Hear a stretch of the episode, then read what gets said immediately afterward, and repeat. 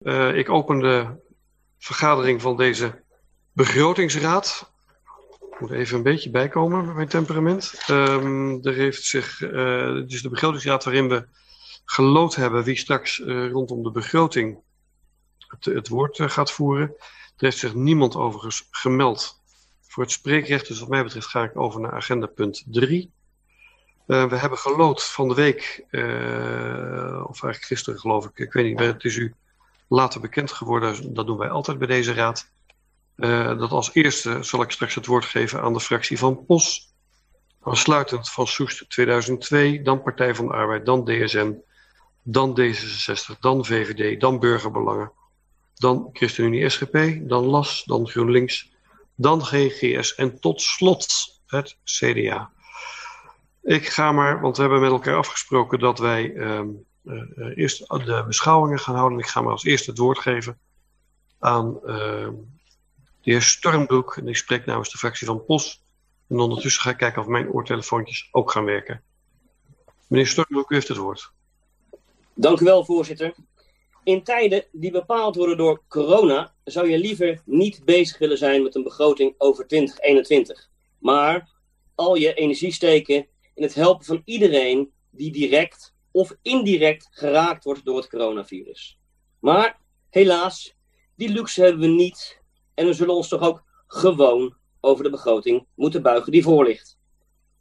Ondanks een op papier sluitende begroting vorig jaar is er, nog zonder corona, dit jaar een tekort van anderhalf miljoen. Voor volgend jaar is het tekort, zonder de gevolgen van corona, ook 2 miljoen. Om tot een sluitende begroting voor 2021 te komen, wordt een beroep gedaan op boekhoudkundige creativiteit. We het zo formuleren. Zo staan er in deze begroting wel erg veel PM-posten. Met andere woorden, we benoemen wel de posten, maar niet de kosten. Zo wordt er nog geen rekening gehouden met het verwachte negatieve resultaat over 2020. Dat dat er komt, weet iedereen.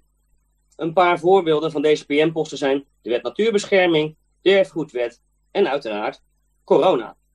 Daar moeten we dus wat mee. Want linksom of rechtsom komen die allemaal een keer op ons bordje terecht. Bestuur is vooruitzien. Dat vraagt dus om meer maatregelen dan nu worden voorgesteld. Maatregelen die niet alleen, zoals vorig jaar, uit verdere lastenverhoging of een boekhoudige truc bestaat. Het wederom verhogen van de OZB en het gebruiken van de algemene reserves zijn geen bezuinigingen of besparingen. Dat zijn lastenverzwaringen en het gebruiken van een spaarpot. Een spaarpot die we, zeker nu de coronapandemie blijft aanslepen, nog wel eens hard nodig kunnen hebben. Vorig jaar was er een tekort van anderhalf miljoen en voor dit jaar is de inschatting in de begroting dat er een vergelijkbaar tekort is. Geloof ons, volgend jaar wordt het alleen maar erger. In het begin van deze collegeperiode waarschuwde POS al om rekening te houden met moeilijkere tijden en voorzichtig om te gaan met centjes. In plaats van geld opzij zetten, waar de regering in Den Haag zich mee op de borst klopt, besloot de Soester regering om leuke dingen te doen voor de inwoners. Leuk is het al lang niet meer. Het dak is lek en als je niet uitkijkt, stort het in. Wij zien al denken, waar de fractie van Post, wat moeten we doen? Kunt u ons helpen? Jawel. Een groot gedeelte van de huidige financiële tekorten kunnen opgelost worden door het resterende bedrag van 4 miljoen in de reserverente te gebruiken. Niet om leuke dingen mee te doen, maar om onze financiële en maatschappelijke verplichtingen na te komen. Verder moeten de lasten en baten meer in evenwicht komen. Het geldt voor veel zaken. Een keuze voor een degelijke Toyota Yaris is om allerlei redenen beter dan de keuze voor een dure BMW. En als je de Yaris nu niet kunt betalen, dan moet je kijken of je de aanschaf wellicht moet uitstellen of dat je misschien moet fietsen.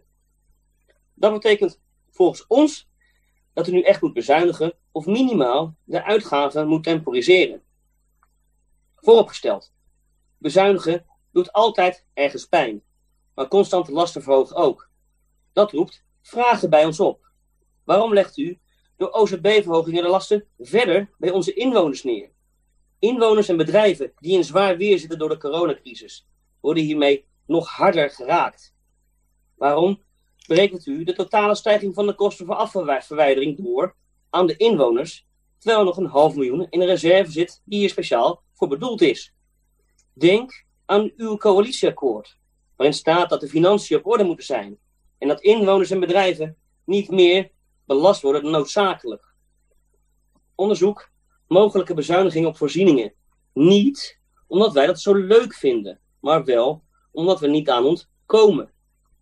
Niet door het korten op een vrij kleine subsidies op NME. Milieu- en natuurbewuste kinderen van nu zijn de volwassenen van later. Een investering die ook later financieel terugverdient. Probeer de kosten van het sociaal domein echt onder controle te krijgen. Ook als dat betekent dat er wellicht impopulaire maatregelen genomen moeten worden. De omstandigheden van vandaag dwingen ons. POS staat nadrukkelijk open voor uw inbreng en suggesties. Laten we collega's met elkaar in debat hierover gaan. Dit in de hoop dat we samen kunnen komen tot een toekomstbestendig Soest voor iedereen. Dank u wel, voorzitter. Dank u wel, meneer Stormbroek. Ik ben inmiddels weer met mijn eigen computertje aangesloten. Um, dus dat werkt. Dank voor uw bijdrage. Ik ga over naar Soest 2002 en ik kijk even of mevrouw Scholten daarvoor het woord wenst. Ja, ja. graag. Voorzitter. U heeft het woord. Dank. De kracht van Soest en pleisters. Geachte inwoners, burgemeester, wethouders en collega-raadsleden. Soest 2002 gaat moeilijke keuzes niet uit de weg. Het gaat ons om het vinden van oplossingen. Hoe heeft u het uh, ook deze begroting op willen stellen? Oplossingen vinden. U heeft daarvoor wel de nodige pluisjes uit de EHBO-kit moeten trekken. Want ondanks bezuinigingsvoorstellen zijn de algemene reserves flink aangetast. Moet een deel van de rentereserve aangewend worden en wordt de OZB voor het tweede jaar achtereen verhoogd om de begroting sluitend te krijgen. Dat zijn nogal grote pleisters. Soest 2002 gelooft in de inwoners van Soest en Soesterberg. In de kracht en veerkracht die er bij onze inwoners leeft. Maar nu misschien zelfs geleefd heeft. Want hoeveel veerkracht is er nog over nu we in de tweede coronagolf zitten? We maken ons grote zorgen over alle ondernemers en met name de horeca in Soest en Soesterberg. Teruglopende inkomsten vanuit eigen bedrijf of onderneming, werkloosheid, misschien bijkomende problemen in psychische zin of zorgen over een dementerende partner of een kind dat zich niet kan handhaven in deze tijd en maatschappij. Dit raakt onze economie en uiteindelijk de leefbaarheid in ons dorp. De kracht is tanende. Dat vraagt om actie. Als college geeft u aan gekozen te hebben voor een behoedzaam begrotingsscenario, overwegend gebaseerd op bestaand beleid. Daar zijn we in ieder geval blij mee. Geen nieuw beleid nu. Eerst de basis op orde. Tanende kracht mogen wij niet verder beproeven. Ondanks de teruglopende inkomsten vanuit het Rijk en oplopende uitgaven in het sociaal domein, mogen wij geen extra offers vragen van onze inwoners die het nu heel zwaar hebben. Daarom treft u in Soes 2002 ook geen medestander aan om voor de tweede maal achtereen een verhoging voor de OZB door te voeren. Ook andere belastingen gaan noodgedwongen omhoog. Onze inwoners zijn geen spaarvarken voor de ambities van het college. Inwoners die zorg nodig hebben, mogen die nimmer ontberen. Een van de pleisters die u uit de EHBO-kit haalde, is een bijdrage uit de algemene reserve. Mede noodzakelijk door de extra middelen die ingezet moeten worden voor de jeugdzorg. In combinatie met de versoberingsvoorstellen voor het sociaal domein hoopt u op deze manier de financiën op orde te houden. Soes 2002 beseft dat het nodig is om voortdurend te kijken naar de zorg die verleend wordt en de bijbehorende financiën. Dat u nu met versoberingsvoorstellen komt, begrijpen we, maar baart ons tevens zorgen. Dit moet de laatste ronde van versoberingen uh, alias bezuinigingen zijn. Wij roepen nu dan ook om volgend jaar met een begroting te komen waarin geen verdere bezuinigingen voor het sociaal domein staan opgenomen. Met zorg kijken wij ook naar de ontwikkelingen rond ruimtelijke ordening. Een knellende behoefte aan nieuwe woningen. Ondernemers en inwoners die plannen hebben, maar door gebrek aan capaciteit blijft het bij die plannen. We hadden het slaan van de heipalen al lang moeten horen, geacht college. Initiatieven moeten snel omgezet worden naar een concreet plan. Onze inwoners en zeker ook de kinderen van onze inwoners mogen dit van ons eisen. We zijn dan ook blij dat u voorstelt om extra middelen beschikbaar te stellen om de wachtlijsten voor vooroverleg weg te werken. Daarbij vragen we ons wel af of deze inzet voldoende is om nu voortgang te boeken. En als we het toch over huisvesting hebben. Het was zeer bedroevend te lezen dat het integraal huisvestingsplan wederom vertraagd wordt en pas in Q2 aan de Raad voorgelegd wordt. In tegenstelling tot de beloftes die u aan ons en een aantal basisschooldirecteuren gedaan heeft om deze eind 2020 gereed te hebben. Ruimte voor ideeën van inwoners, ondernemers, verenigingen en maatschappelijke organisaties is wat er geboden moet worden om tot gedragen keuzes te komen. Participatie is daarvoor het middel. Gebruik van de collectieve intelligentie. In uw coalitieakkoord geeft u aan dat u door middel van participatie inwoners meer uit, invloed uit wilt laten oefenen. Als we naar de resultaten kijken van de participatie bij bijvoorbeeld de RES, dan maken wij ons ernstig zorgen over uw ambities. Laat onze inwoners weten dat hun inbreng noodzakelijk is. Communiceer dat u wilt communiceren met hen. Of wilt u onze inwoners eigenlijk geen inbreng laten leveren? In uw coalitieakkoord spreekt u over uw duurzaamheidsambities. Voor nu en voor later. Als u wilt dat uw ambities later ook gerealiseerd worden, dan begint dat bij de jeugd. En onderwijzen over duurzaamheid in de breedste zin van het woord brengt bewustwording mee en leert hen deze ook in hun jonge mensenleven al toe te passen. U kunt zich vast wel voorstellen dat wij met stomheid geslagen waren dat ondanks een recent verschenen rapport waarin nut en noodzaak van milieueducatie bewezen werden, u vasthoudt te bezuinigen op deze educatie. Een opmerkelijk voorstel. De inleiding van het partijprogramma van Soes 2002 eindigt als volgt. Er valt wat te kiezen. Dat wil ik het college heel graag meegeven. Er valt nog steeds wat te kiezen. De pleisters zijn geplakt, het bloeden tijdelijk gesteld. Kies voor de toekomst en de veerkracht van onze inwoners. Tot zover, voorzitter. Mag ik overgaan tot het stellen van bestuurlijke vragen of wilt u dat op een ander moment? Voor mij kunt u dat eh, nu doen, dat is net zo efficiënt. Ik heb er drie voor ter geruststelling. Uh, op bladzijde 16 geeft u aan dat, goede communicatie, dat u goede communicatie voor ogen heeft. Participatie is mede een afgeleide van communicatie. Als we zien op welk een bedroevend aantal participanten bij onder andere de, S, de S uitkwamen, dan maken we ons zorgen over communicatie. Wat is voor u de definitie van goede communicatie en wanneer vindt u dat communicatie goed is geweest? Bladzijde 35, vraag 2. Het gaat over wonen- en prestatieafspraken met de corporaties. Wat zijn de afspraken over de aantallen te realiseren woningen voor 2021? Waarom schuiven de aantallen nu al meerdere jaren door zonder dat er resultaten geboekt worden? We weten dat de corporaties staan te trappelen om woningen toe te kunnen voegen in Soest. Laatste vraag, bladzijde 56. Hulp bij het huishouden op indicatie. U wilt het beleid aanscherpen en regionaal gaan aanbesteden en inkopen tegen scherpere tarieven. Dat klinkt erg onrealistisch. Het scherper inkopen van deze dienst leidt tot het verlagen van salarissen. Immers, bij dienstverlening kun je geen kwantumkorting krijgen. Als gemeente zouden wij nooit mogen stimuleren dat door onze versoberingsvoorstellen de salarissen van dienstverleners onder druk komen te staan. Kunt u aangeven op welke wijze u het inkopen tegen scherpere tarieven voor zich ziet? Tot zover, voorzitter. Dank. Dank u wel, mevrouw Scholten. U sprak namens de fractie van Soest 2002. Dan kijk ik naar de fractie van de Partij van de Arbeid. En ik denk dat meneer Witloks daar het woord over wenst. Ja, dat, dat, uh, dat graag. Uh, geachte collega's, college, kijkers en luisteraars. Een begroting is een optelsom van getallen met het getal euro erachter, zoals 135 miljoen euro, 150.000 euro, 40.000 euro. Maar achter de begroting is er ook een optelsom van andere getallen. Getallen met een menselijke maat, met verregaande consequenties voor onze inwoners. Getallen als 7000 uur minder aan huishoudelijke hulp, 1400 uur minder aan natuuronderwijs voor 3000 schoolkinderen, 20 banen die verdwijnen, tientallen, zo niet honderden woningzoekenden. En die, die menselijke maat, die missen wij. Eerst wil ik enkele algemene opmerkingen maken, zoals deze over een vertraagd luisterend oor van het college. En overigens heb ik mijn vragen verwerkt in de tekst. Zo brachten wij vorig jaar samen met andere oppositiepartijen een motie in om de rentereserve bij de algemene reserve op te tellen. Dat geeft namelijk een beter beeld van de reserves en voorkomt onnodige bezuinigingen. Die motie werd verworpen. En nu komt het college zelf met het voorstel om de algemene reserve aan te vullen vanuit de rentereserve. Vanuit de Partij van de Arbeid zeggen we, goed voorstel, dat vonden we een jaar geleden ook al. En college, waarom dan nu niet meteen die hele rentereserve eraan toegevoegd?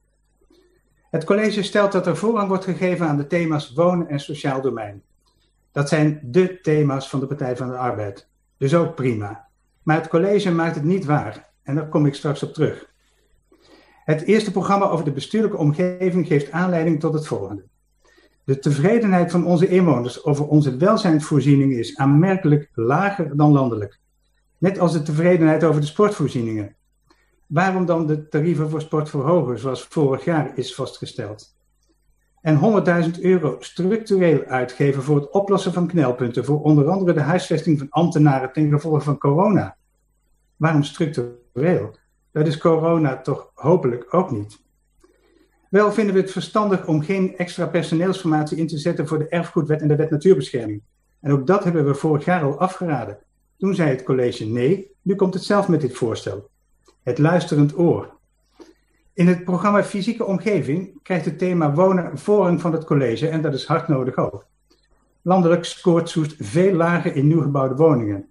En vorig jaar werden in de kern Soest 38 woningen gebouwd. Allemaal dure koopwoningen. Geen enkele sociale huurwoning. Absolute prioriteit voor ons. En personeelsuitbreiding is dringend noodzakelijk. Uit de overzichten blijkt dat onze inwoners onze gemeente meer dan voldoende groen vinden en perken en plantsoenen meer dan goed onderhouden. Onze conclusie is dat het evenwicht naar groen is doorgeslagen ten koste van rood. Ten koste van woningbouw, ten koste van honderden woningzoekenden. Deelt het college die conclusie? En die conclusie wordt overigens bewezen doordat in, de groen, in het groen renovatieplan een extra investering, ik herhaal een extra investering van 250.000 euro is opgenomen. Als we dat geld aan echte prioriteiten uitgeven, dan hoeven we niet te bezuinigen op natuur, milieu, educatie, huishoudelijk hulp. En kun je ook nog eens twee rotondes fietsveiliger maken. Ik zei al, onze inwoners vinden de welzijnsvoorzieningen onder de maat en de groenvoorzieningen meer dan goed. Die bezuiniging op natuur, milieu, educatie met de helft, met 40.000 euro. In het onafhankelijk onderzoek is er geen enkele onderbouwing van die bezuiniging te vinden. Integendeel, er is een hoge waardering door de scholen, een groot bereik van 3000 kinderen en 1000 ouders en leerkrachten. En het speelt in op de actualiteit van duurzaamheid. Een leerkracht zei: Als je de zachte kant van de NME niet geeft, dan kunnen het harde kinderen in de wijk worden. Niet doen, die bezuiniging, college en coalitie. Heeft het college ook hier een luisterend oor? Het programma Sociaal Domein. Een belangrijk kritiekpunt op deze begroting is de voorbereiding van een aangekondigde bezuiniging van 140.000 op de huishoudelijke hulp in 2022. Dat zijn zo'n 7000 uur. Bij 2,5 uur gemiddeld per week betekent dat voor 53 ouderen geen huishoudelijke hulp meer. Of voor honderden veel minder hulp. Gevolg: een minder schoon huis, meer eenzaamheid, minder lang thuis kunnen blijven wonen. En ontslag voor een flink aantal medewerkers. En daar blijft het niet bij, want het college denkt tegen een lager tarief die huishoudelijke hulp te kunnen inkopen. No way. Zorgaanbieders hebben te maken met een flinke CAO-stijging. En bovendien stoppen grote zorgaanbieders, die stoppen er gewoon mee. Zoals Livoren, dat 140 mensen op straat zet. De overgebleven zorgaanbieder heeft bijna een monopoliepositie en die gaat die tarieven echt niet omlaag brengen. Waarop baseert het college zich dat er lagere tarieven uit kunnen rollen? Ten slotte maken we ons zorgen over het project Smitsveen. Eerst 200.000 euro eraan onttrekken en nu nog eens 150.000 uit de pot onvoorzien. Geacht college en coalitiepartijen, heb nu een luisterend oor. En laat niet honderden soesters, ouderen, gehandicapten, kinderen en hun ouders, leerkrachten, zorgmedewerkers straks de dupe worden van uw begrotingsvoorstellen. En schrap daarvoor die extra investering in het groen renovatieplan. Dank u wel. Dank u wel, meneer Witloks. U sprak namens de fractie van de Partij van de Arbeid. Ik geef het woord aan mevrouw Gastelaars en zij spreekt namens DSN. Voorzitter, dank u wel.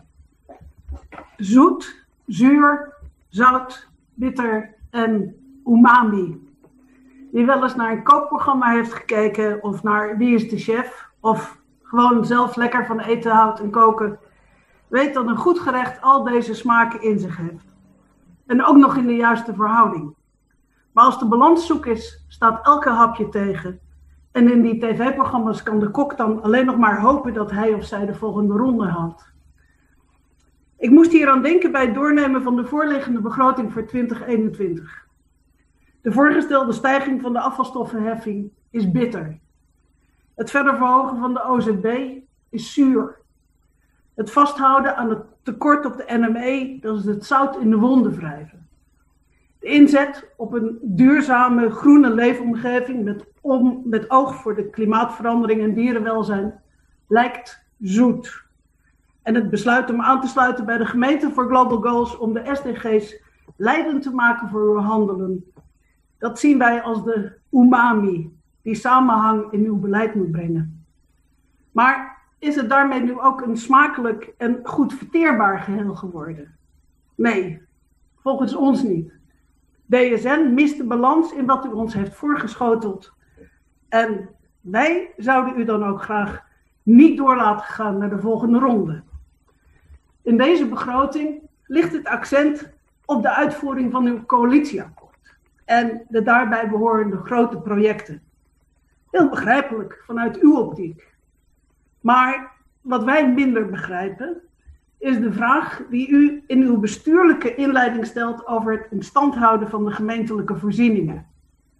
Gezien alle voorzieningen op maximaal 10 minuten, een kwartier afstand in Amersfoort en Hilversum, mag die vraag zeker gesteld worden. Maar hoort die wel op deze plek? Hoort die vraag niet centraal te staan in de omgevingsvisie voor Soest en Soesterberg? In het gesprek met de inwoners over wat voor Soest en Soesterberg zij voor ogen hebben. En past die vraag eigenlijk wel, nu u zo inzet op de ontwikkeling van het Huis van de Samenleving en de transformatie van het Dalweggebied, om maar even iets te noemen. Dan onze groene woonomgeving voor, met oog voor klimaatverandering en dierenwelzijn. De corona-uitbraak heeft heel veel mensen bewust gemaakt van onze eigen kwetsbaarheid en die van onze omgeving. Mensen trokken massaal de natuur in, maar die natuur is ook kwetsbaar. En we moeten daar zuiniger mee omgaan. Ons provinciebestuur heeft zich dat terdege gerealiseerd en heeft besloten in te zetten op strategisch bosbeleid. Het verhogen van de biodiversiteit, de bescherming van bestaande bosgebieden en op meer bomen in stedelijk en landelijk gebied. Dat levert niet alleen een gezondere leefomgeving op, het is ook een effectieve klimaatmaatregel, omdat bomen de capaciteit hebben om CO2 op te nemen, wateroverlast voorkomen en verkoeling brengen. Wij zouden graag zien dat u dit goede voorbeeld van de provincie volgt en dat u meer inzet op het behoud en het versterken van het groen in onze woonomgeving. We kunnen niet beoordelen in hoeverre het groen renovatieplan daarvoor geschikt is, omdat het plan nog niet langs is geweest in de raad. Maar vanochtend wel aan de pers is gepresenteerd. En dan moet ik toch even denken aan de zeer terechte vragen die Pos gisteren heeft gesteld over de communicatie vanuit het college. Dat terzijde. Terug naar het groen renovatieplan. Investeren in de kwaliteit van het openbaar groen klinkt hartstikke goed. Maar om zomaar een zak met geld te geven aan een plan waar wij inhoudelijk nog niet van op de hoogte zijn, gaat ons op dit moment toch echt even te ver. We wachten trouwens ook nog steeds op de geactualiseerde monumentale bomenkaart van Soest. Maar ja, als er gekapt blijft worden in het tempo waarop er nu gekapt wordt, hoeft die kaart straks niet eens meer anders voorgelegd te worden. En voor, u het, voor het geval u het nog niet wist, inzetten op groen en dierenwelzijn en het behoud van die biodiversiteit en ecologische kwaliteit betekent voor DSN onder andere niet bouwen op landgoed de Oude Tempel in Soesterberg, het actief beschermen van het Soesterveen en de kernrandzones, het niet bebouwen van de vrije, vrije groene plekken in Soest en Soesterberg, het verbieden van het afschieten van verwilderde katten in ons buitengebied en met de Soester Stichting Zwerfdierenwelzijn in het samenwerken aan de duurzame oplossing van vangen, steriliseren en herplaatsen van zwerfkatten, als ook het verhogen van de bijdrage aan dierentehuis Het Hart Dierenzorg Eemland. Vanaf hier is het natuurlijk een simpel stapje naar de voorgestelde korting op NME. Het, uh, het is al even eerder voorbij gekomen. De basisscholen maken volop gebruik van de lessen van balans. Ze bezoeken activiteiten op de kinderboerderij, hebben leerzame wandelingen in de Soesterduinen, hebben slootjesexcursies, krijgen les op school. Al deze activiteiten dragen bij aan een groter milieubewustzijn bij kinderen en de scholen geven het NME-aanbod een heel hoog cijfer. En toch wilt u vasthouden aan de bezuiniging op natuur- en milieueducatie. Is dit nu uw groen en duurzaam beleid anno 2020? De afronding van het omgekeerd inzamelen en de voorgestelde stijging van de afvalstoffenheffing. In 2017 jubelde toenmalig wethouder Adriani bij de invoering van het omgekeerd inzamelen over alle voordelen van het systeem en ook dat de tarieven daardoor naar beneden zouden kunnen. Dat is één keer gebeurd. En sinds 2018 zijn de tarieven afvalstoffenheffing gewoon weer gestegen. Als we uw voorstel gaan volgen, en dat doet DSN natuurlijk niet, gaan onze inwoners volgend jaar ruim 19% meer betalen. Inmiddels zijn een heleboel gemeenten teruggekomen van het idee van omgekeerd inzamelen. En een groeiend aantal gemeenten stopt zelfs met gescheiden inzameling. Papier, plastic, plastic blik- en drinkverpakkingen gewoon in de vuilnisbak gooien blijkt onderaan de streep soms veel efficiënter dan los inzamelen. Bovendien, zo leert de ervaring, verbetert de kwaliteit van het ingeleverde afval niet door omgekeerd inzamelen. Dus waarom nu toch zo eigenwijs door op de ingezette weg in plaats van bijvoorbeeld inzetten op verminderen van afval? Meer lokaal en duurzaam produceren levert minder afval op. En als we die duurzame productie dan ook nog gaan belonen en bedrijven verantwoordelijk maken voor het afval dat ze produceren, dan kunnen we echte stappen maken. Nog zo'n dingetje. De voorgestelde verhoging van de OZB. Nadat partijen die altijd geroepen hadden tegen een verhoging van de OZB te zijn, vorig jaar hun verkiezingsbelofte braken, lijkt het hek van de dam te zijn. Eerst die ongekende OZB-verhoging van vorig jaar en nu weer 2% bovenop de trendmatige tariefstijging. We vinden het onterecht om een deel van de inwoners op te laten draaien voor het begrotingstekort. En we staan dan ook voor 100% achter de petitie die Vereniging Eigen Huis gestart is tegen de onevenredige stijging van de OZB. En nu we het toch over lokale heffingen hebben, kan de hondenbelasting natuurlijk niet ontbreken. Natuurlijk stelt u weer voor die tarieven verder te verhogen. Want ja, het zou toch zonde zijn om die 160.000 extra voor de algemene middelen te laten liggen. Ik raad u aan om ondanks uw tegenzin toch even serieus stil te gaan staan bij deze oneerlijke inkomstenbron. In december zal de Tweede Kamer namelijk debatteren over de afschaffing van artikel 226 van de gemeentewet. En als dat besluit genomen wordt, dan moet u de hondenbelasting wel afschaffen en op zoek gaan naar een andere melkkoe. Omdat het nu in deze begrotingszonde nog niet zover is, kunt u volgende week in ieder geval een amendement van ons verwachten daarover. De traditie blijft in leven. En tot slot de SDG's, de umami, die samenhang in nieuw beleid moet brengen. Wij vinden het een gemiste kans dat u in deze begroting niet net als vorig jaar aangeeft aan welke van de 17 duurzame ontwikkelingsdoelstellingen, doelen, uw beleid al raakt of waar u al invulling aan geeft. Hopelijk maakt u dat volgend jaar meer dan goed. Want aan de slag gaan met de Global Goals is niet vrijblijvend. In ieder geval betekent dit voor volgend jaar nog een vlag erbij. Niet alleen de regenboogvlag op Coming Out Day 11 oktober, maar ook de Global Goals vlag op Nationale Global Goals Vlaggendag op 3, 25 september. We krijgen het er maar druk mee. Dank u wel, voorzitter. Dank u wel, mevrouw Gastelaars. En u vergeet nog Vlaggetjesdag. Uh, dan, ja, meneer Baks. Ja, dank u wel. Als ik heel even mag storen. Ik heb uh, een storing in mijn trap, traplift. Dat betekent dat ik halsbrekende toer uit heb moeten halen om van boven deze vergadering weer mee te mogen maken. Maar ik krijg zo iemand, een monteur, om dat ding te maken. Dus als ik er tussenuit ben, is het omdat die traplift gerepareerd moet worden. Als u uit beeld ziet verschijnen, meneer Baks, zullen we het moment opnemen en dan zullen we u aangeven vanaf welke minuut tot welke minuut u de bijdragers van uw collega's kunt, kunt volgen. En ik hoop voor u dat u niet op de bank hoeft te slapen. Dat hoop ik, ik geef... ja. Dankjewel. ik geef het woord nu aan de heer Sielke en hij spreekt namens de fractie van D66. Dank u wel, meneer voorzitter. Collega's, beste luisteraars en kijkers.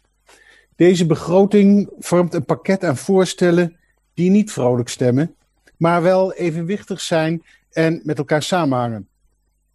De D66-fractie kan zich vinden in de uitgangspunten van het college dat de directe voorzieningen aan burgers voor laat gaan op andere zaken en dat wettelijke taken voorgaan op taken waarbij we nog kunnen kiezen. Veel aandacht is er geweest op de halvering van het budget voor de natuur- en milieueducatie.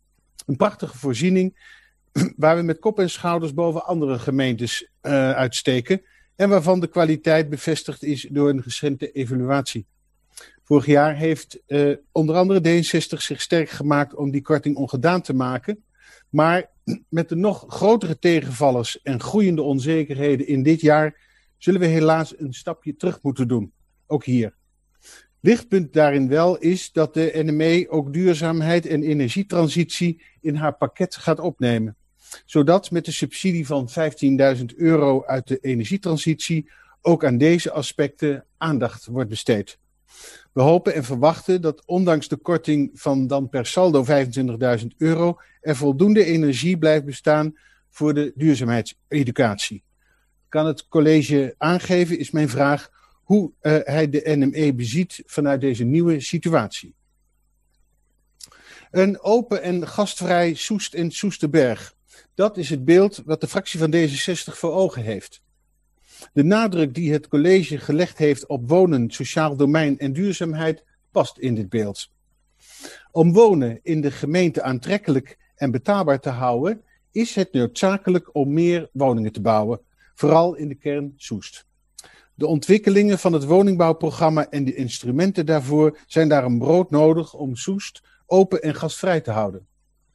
Open en gastvrij brengt ook met zich mee dat we niemand in de steek laten. Het is dan ook goed om te zien dat het college een evenwichtige mix heeft gevonden tussen investeren en versoberen in het sociaal domein. Investeren vooral in preventie maakt het sociaal domein voor zijn gebruikers effectiever en voor de gemeenschap ook op langere termijn beter houdbaar. Open en gastvrij geldt niet alleen voor onze generatie, maar ook voor de generaties na ons. We zullen dus een tandje bij moeten zetten op het gebied van duurzaamheid. Terecht dus dat dit een speerpunt van beleid is. De vraag aan het college daarbij is wat de gevolgen van deze begroting zijn voor de plannen van de, voor de energietransitie. Voorzitter, samenvattend. De speerpunten van deze begroting, namelijk wonen, sociaal domein en duurzaamheid, passen goed in het streven van D66 naar een open en gastvrij Soest. Wij steunen deze keuzes van harte. Dank u wel. Dank u wel, meneer Silke. U sprak namens de fractie van D66. Dan geef ik nu het woord aan, ik denk, meneer De Wilde van de VVD. Ja, dank u wel, voorzitter. Uh, collega's, collega's en andere aanwezigen via de verschillende media. Bij de beschouwing van de kadernota moesten we al concluderen dat de financiële positie van Soest er niet goed voor staat. En ook nu, met deze begroting in handen, moeten wij zo'nzelfde conclusie helaas trekken. Ook helaas is dat dit beeld voor bijna alle gemeenten in Nederland geldt. De landelijke overheid heeft ons extra taken toebedeeld, maar weigert daar simpelweg de middelen bij te geven. Natuurlijk mag zij verwachten dat wij zorgen voor een meer efficiënte lokale uitvoering maar financieel gezien zijn de grenzen nu echt bereikt. En op veel plaatsen reeds overschreden. Het vet dat wij de afgelopen jaren op onze gemeentelijke botten hadden, is gaandeweg verdwenen. En de trieste conclusie is dat ons niets anders rest meer dan bezuinigen en lasten verzwaren. Misschien wel het meest pijnlijke is dat het financiële plaatje structureel lijkt te zijn. Niet één jaar even de tanden op elkaar maar voor meerdere jaren. Vorig jaar waren velen van u er nog van overtuigd dat ondertussen de zilvervloot wel zou zijn binnengevaren. Maar helaas, de vloot is nog niet eens uitgevaren en ligt nog keurig in de haven van Den Haag. De lading is nog niet aan boord en ook de bemanning moet blijkbaar nog worden geronseld. Deze realiteit vraagt om structurele keuzes en maatregelen om Soest financieel gezond te houden. Ook wanneer het perspectief de komende jaren wellicht nog verder verslechtert. En sommigen van u hebben al aangegeven welke PM-posten er staan in de begroting. En daar kunt u dan inderdaad dat beeld bij schetsen. Begroten is wat ons betreft politieke keuzes kunnen maken. De huidige realiteit echter laat dit bijna niet meer toe. Eens even kijken. We willen geen lastenverzwaring voor onze inwoners. Hmm, nou dan moeten we maar flink gaan bezuinigen. Ai, er is geen vet meer. Dus dan toch maar voorzieningen gaan sluiten. Menig inwoner voelt het dan toch. Wat een dilemma. Dan maar ingrijpen in taken die de burger misschien niet zo raken. Ai, ai, ai, daar komen onze wettelijke taken en verplichtingen om de hoek kijken. Gelukkig, we hebben nog wat geld in ons reservepotje zitten. Laten we dat dan maar gebruiken, zodat we het tot de verkiezingen kunnen uitstingen. En het volgende college vindt dan vast wel een oplossing. Weet je, laten we de begroting dan maar eens niet laten sluiten dit jaar. Dat is toch de schuld van Den Haag. Eens kijken wat de provincie gaat doen. We zijn blij dat met de hier geschetste dilemma's het college een mooie balans heeft gevonden. De pijn is eerlijk verdeeld. En in het sociaal domein zijn de noodzakelijke bezuinigingen gecombineerd met investeringen. De zorg ook op lange termijn te kunnen garanderen. Ook zetten we de woningbouwplan in Soest en Soesterberg door. En gaan we verstandig om met onze reserves. Zodat we ook volgend jaar nog financieel kunnen sturen. Natuurlijk zitten er ook lelijke kanten aan deze begroting. De inwoners van Soest en Soesterberg worden door bezuinigingen, de lastenverzwaring bij de afvalstoffenheffing en een tweede OZB-verhoging opnieuw getroffen. En daar, vooral het laatste, zou de VVD natuurlijk nooit voor kiezen. Maar we zien ook de onvermijdelijkheid van dit soort keuzes. Tot slot moeten de ambities van het college, waar het college drie jaar geleden mee begonnen is, nog verder worden getemporiseerd. En ook dat doet heel veel pijn. Met deze voorliggende begroting laat het college echter ook zien dat zij haar bestuurlijke verantwoordelijkheid niet uit de weg gaat. De problemen worden niet bij een ander neergelegd en zeker niet naar de toekomst doorgeschoven. En dat verdient alle lof. Net als de VVD stellen wij het nemen van bestuurlijke verantwoordelijkheid in deze moeilijke tijd voorop. En we steunen daarom ook deze begroting. Dank u wel. Dank u wel, meneer De Wilde. U sprak namens de fractie van de VVD. Ik geef nu het woord aan meneer Baks namens Burgerbelangen in de hoop dat hij niet gestoord wordt door de deurbel. Dank u wel, voorzitter. Het zal moeilijk gaan, want ik heb geen deurbel. Maar goed, dat terzijde. Voorzitter, collegeleden, luisteraars en kijkers, collega-raadsleden en fractieassistenten. Vanavond staan we voor de behandeling van de begroting 2021 en de meerjarenbegroting. Een novum, voorzitter. Deze keer houd ik me absoluut aan de afgesproken maximum spreektijd. En deze keer van mij geen algemene beschouwingen waar de humor van afspat. Meerdere collega's zullen het met mij eens zijn dat we in een bijzondere tijd leven. Het COVID-19-virus, in de volksmond corona genoemd, heeft een behoorlijke stempel op 2020 gezet. Een bijzonder jaar, zullen we maar zeggen. Wat ook invloed heeft op de voorliggende begroting. In deze tijd is het moeilijk om in de toekomst te kijken, zeker nu we weten dat dit virus een behoorlijk deel van 2021 zal bepalen. Voorzitter, voordat we u en het college mee willen nemen in onze algemene beschouwingen, willen wij als burgerbelangen Soes Soesterberg eerst iets zeggen over de tijd waarin we leven. Voorzitter, we willen u complimenteren met de manier waarop via diverse media wordt gecommuniceerd over de coronamaatregelen, regels en waarschuwingen.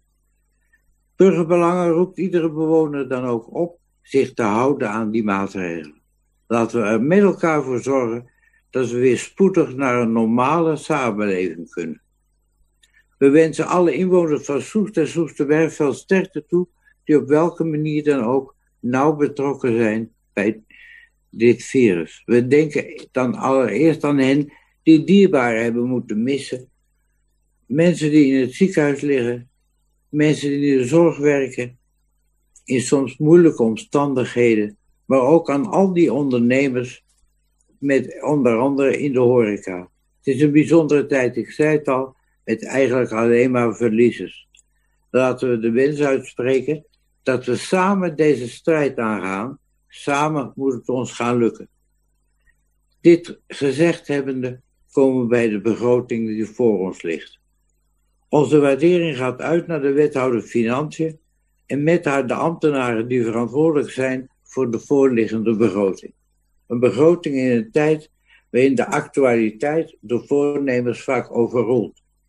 We zullen het moeten accepteren, het is niet anders. In de begroting lezen we in de bestuurlijke inleiding dat u behoedzaam heeft begroot. We begrijpen niet precies wat u daarmee bedoelt. Misschien kan u toelichten waar, die behoedzaamheid is terug te vinden. Dat brengt ons op de opmerking die in het hoofdstuk veiligheid is genoemd over de overlast van de jongeren. U schrijft daarin dat u meer jeugdboa's wil in, wilt in gaan zetten. Wij zien in de begroting niet hoe u dat zou willen doen. We vragen ons dan af, hoe gaat u dat doen met de huidige FTE? Immers de BOA's zijn nu al erg druk met handhavingsregels vanwege de corona. Die moeten zich ook meer gaan bezighouden met de handhaving van het vuurwerk, het afsteekverbod, wat dan ook de komende jaren en wellicht voor de hele toekomst zal gaan gelden. Maar goed, u zou het ons wat duidelijk maken. De begroting die voor ons ligt, vraagt van ons om een keuze te maken. Zijn we voor of zijn we tegen? Wij als burgerbelangen kunnen die keuze nu nog niet maken.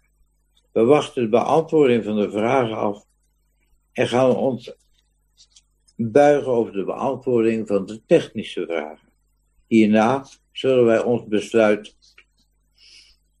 kunnen nemen. Wij luisteren vandaag ook graag naar de inbreng van de andere partijen. Voorzitter, we spreken de wens uit dat we bij de behandeling van deze begroting eensgezind kunnen optrekken. In deze tijd is niemand gebaat bij verdeeldheid en het oppoetsen van verschillen. Naar onze stellige overtuiging is iedereen gebaat bij een volksvertegenwoordiging die samenbindt in plaats van politieke verschillen uitvergroot. Daarbij wensen we ieder die hier een rol in speelt veel wijsheid toe. Dank u wel. Dank u wel, meneer Baks. U sprak namens de fractie van Burgerbelangen. Ik geef het woord aan ChristenUnie SGP, mevrouw Walraven, denk ik. Maar ik weet het niet helemaal zeker. Klopt, voorzitter. Ja, mevrouw Walraven. Dank u wel, voorzitter. Uh, beste collega's, college en luisteraars. Tijdens de algemene beschouwing in de Tweede Kamer kwam Kees van der Staaij met een mooi verhaal over een afbeelding die onder het standbeeld van Willem van Oranje staat. Een afbeelding van een ijsvogel boven een woelige zee en daarin drijft haar nest. En er staat een Latijnse tekst omheen en die betekent rustig te midden van de woelige golven. De afbeelding gaat nog verder terug naar een Griekse mythe. En daarin staat het diersymbool voor trouw en onverzettelijkheid. Maar rust te midden van de woelige golven spreekt ook nu wel aan, nu er voor de bespreking van deze begroting staan. De begroting van 2021. Een begroting die je eigenlijk niet wilt, want hij doet pijn. Pijn op allerlei fronten. Er zijn moeilijke keuzes gemaakt, maar de keuzes die gemaakt zijn, zijn wel met beleid genomen. Zoals ook al beschreven staat in de begroting, is een van de pijlers van het coalitieakkoord samen. Hoe belangrijk is het in deze tijd om er samen voor te gaan? We kunnen het niet alleen en hebben elkaar nodig, zo ook in deze begroting.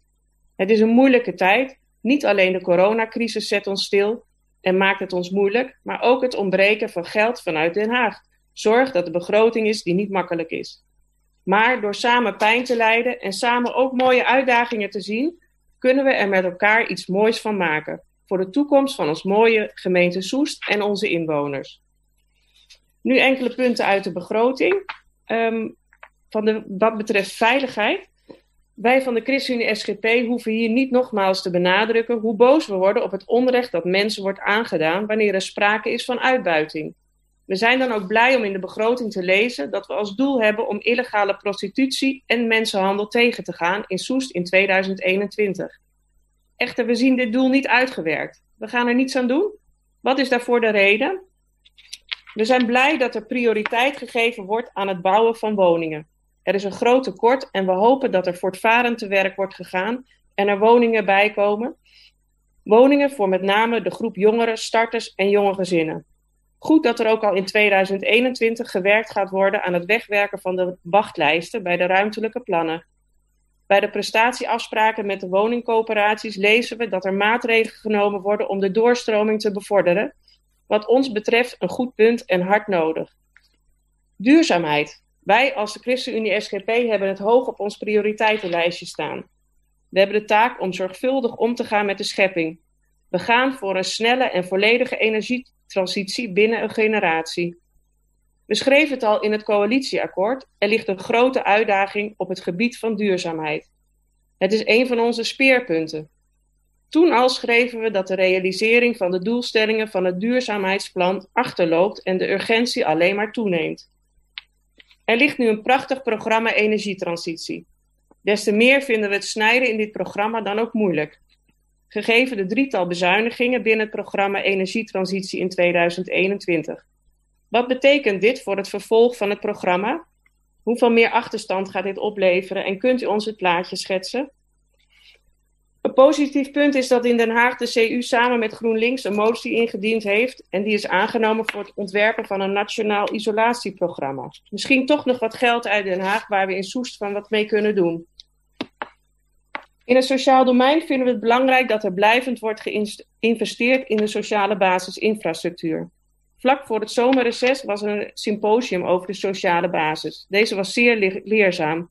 En een mooie uitspraak die genoemd werd was: gerichtheid op bezuiniging zorgt niet voor transformatie, maar richten op transformatie zorgt wel voor minder kosten. In het kader van deze uitspraak zijn we blij dat er op diverse punten geïnvesteerd gaat worden in het sociaal domein. De vier cases die gekozen zijn, zijn wat ons betreft goed realiseerbaar en brengt de zorg meer naar Soes terug. Wat de versobering betreft in het sociaal domein zijn we blij met de toezegging dat de mensen die hulp nodig hebben, die ook blijven krijgen. Dit komt ook meerdere keren terug in de begroting. We snappen dat er keuzes gemaakt moeten worden, omdat de kosten erg hard stijgen. En we willen wel een vinger aan de pols blijven houden dat onze kwetsbare inwoners ook daadwerkelijk de hulp krijgen die ze nodig hebben. Dat er niet versoberd wordt in het minimabeleid is voor ons een goede keuze. Deze mensen worden waarschijnlijk al extra hard getroffen door alles wat er op hen afkomt, ook met de coronacrisis. Fijn dat dit ruime beleid doorgang kan vinden. Tot slot, terug naar de ijsvogel. Nu vanuit Wikipedia. Hij zit vaak onbewegelijk op zijn vaste uitkijkplaats, heeft dus overzicht, scherpe ogen en is vervolgens zeer doelgericht en kan heel precies zijn prooi doel bepalen. Zo hebben wij als ChristenUnie SGP hoop en vermachting te midden van deze woelige tijden en houden we overzicht en blijven we rustig, maar ook doelgericht. We wensen het college rust en doelgerichtheid in deze woelige tijden en bovenal zegen bij het besturen van onze mooie gemeente Soest. Dank u wel. Dank u wel, mevrouw Walraaf. U sprak namens de fractie van de ChristenUnie SGP. Ik geef het woord aan meneer Boks en hij spreekt namens de fractie van LAS. Collega's, ja, hoewel ons hoofd er niet toe staat, eh, eh, moeten wij het vanavond toch over de begroting hebben. Ook wij zouden graag nu over lopende en komende problemen in onze dorpen spreken en daar besluiten over nemen. Besluiten die weer perspectief brengen bij onze inwoners. Helaas, daar moeten we nog even op wachten. Vanavond dus de begroting. De begroting 201, 2021. Uh, voor wat betreft het financiële deel uh, is onze beoordeling, het is een goede begroting. hij voldoet ruimschoots aan allerlei richtlijnen en voorschriften waar we ons als gemeente aan te houden hebben. Het is een begroting die voorzichtig is, die voorzichtig zoekt naar extra ruimte. De uh, niet benutte gelden worden ingezet. Nog niet volledig, maar daar is een begin mee gemaakt. Hulde daarvoor. Er wordt geen rekening gehouden met uh, de zilvervloot, zoals een collega zojuist opmerkte, die uit Den Haag zou moeten komen. Daar komt natuurlijk het een en ander uit Den Haag. Dat hebben we ook in de najaarsnota al kunnen zien. Maar er is in deze begroting nog geen rekening mee gehouden. En terecht, denk ik. Want er zitten ook PM-posten, er zitten ook risico's. En die komen ook nog op ons af. En die twee kunnen uh, in ieder geval voor een flink deel elkaar compenseren. En die risico's die zijn de corona-uitgaven die uiteindelijk toch wellicht voor uh, onze rekening komen. Of de, in, uh, de initiatieven die we daarin nemen, die sowieso voor onze rekening zouden komen. En verder de nog komende stijging van de zorgkosten uh, in de WMO. Voorzitter, in deze begroting zitten natuurlijk pijnlijke bezuinigingen. Daar kunnen we het best met elkaar nog over hebben. En als we met de gezamenlijke denkkracht van, van, dit, van deze raad tot betere oplossingen kunnen komen, dan zullen wij daar zeker aan mee gaan uh, werken. Uh, lastenverzwaringen zitten er ook in. Alleen, ik, ik hoor steeds uh, noemen de afvalstoffenheffing als zijnde een keus van, van het college. Afvalstoffenheffing is niet anders als het optellen van de kosten die er zijn, die omgeslagen moeten worden. Dus zelfs in andere tijden hadden we deze kosten door moeten berekenen. Deze begroting nodigt wat ons betreft niet uit voor het maken van een tegenbegroting. Niet nodig. Alles bij elkaar een degelijke begroting waar last zich voor het financiële deel in kan vinden. Maar dan inhoudelijk beleidsmatig. Wij denken dat uh, in uh, deze begroting uh, te weinig aandacht is voor grote vraagstuk, de grote vraagstukken waar wij als Soest voor staan. En dat zijn de ruimtevraagstukken. Die worden op andere tafels heel uitbundig besproken. We hebben op 30 september een regiobijeenkomst kunnen bijwonen. Eh, waar uh, onze burgemeester als lid van het BORA uh, een toespraak hield. En die heeft grote indruk op mij gemaakt. Hij wijst op de grote druk op onze regio als het gaat om werken, recreëren, energie en wonen. En de noodzaak om dat in samenspraak met elkaar zowel in de regio, maar vooral ook in de gemeente en met de gemeenteraad, om daar in samenspraak te zoeken. Te zoeken naar antwoorden op de vragen van wat wil je? Wat kan en mag in onze gemeente? Hoe zetten we daar de omgeving voor in? En voor Soest komt daar het vraagstuk bij van de natuur en het boerenland. Op dit moment is onze inbreng als het gaat om wat heeft Soest de regio te bieden, is onze inbreng nul. Dat hebben we bij de energie gezien en dat zullen we op andere zaken, zoals wonen, zullen we dat waarschijnlijk ook weer zien. Want dat volgt uit het uh, coalitieakkoord volgens welke het college nu moet opereren. Daar moet verandering in uh, komen. Ik daag de collega's in de raad uit om echt te gaan meepraten, uh, ook in de regio, als het gaat om die invullingen. Want in 2021 moeten er belangwekkende beslissingen genomen worden. Als wij niet in staat zijn om in 2021 beslissingen te nemen, dan zal het betekenen dat dat doorgeschoven wordt naar 2023 na de verkiezingen. En die tijd hebben wij niet. Want de Rijksoverheid kijkt mee en als wij niet zelf invullen, dan wordt er wellicht iets voor ons ingevuld waar wij het wellicht niet mee eens kunnen zijn. Dus kom in actie, collega's. Um, dan hebben wij uh, nog een aantal uh, amendementen die wij uh, waarschijnlijk zullen gaan, gaan indienen. Een paar van die zaken hebben we al voorbij zien horen komen bij collega's. Daar doen we dan graag aan mee. Maar één daarvan is de bestemming van het TBS-terrein. Het TBS-terrein ja, daar kunnen wij op dit moment als gemeente kennelijk en schijnbaar niet zoveel meer aan doen. Dat is industrieterrein en is industrieterrein gebleven. Maar de coronacrisis heeft duidelijk gemaakt dat er op het gebied van zakelijk vastgoed heel veel gaande is. En ik denk dat dat ook geldt voor datgene wat de bedoeling is op dat TBS-terrein. Dus daar zouden we met elkaar eens goed naar moeten kijken. Uh, wij gaan daar uh, een amendement voor voorbereiden. Verder zullen wij komen met een uh, amendement over de tarieven in de binnensport.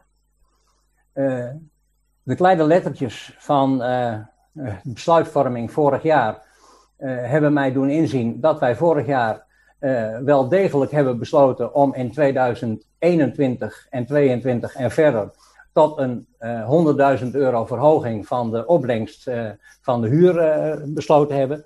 Nou, ik denk dat het in deze tijd geen goede zaak is, zelfs heel slecht zal zijn, als wij de sport gaan opzadelen met nog meer kosten. Dus ook daar kunt u van ons een amendement verwachten. En tot slot, voorzitter, een vraag aan het college.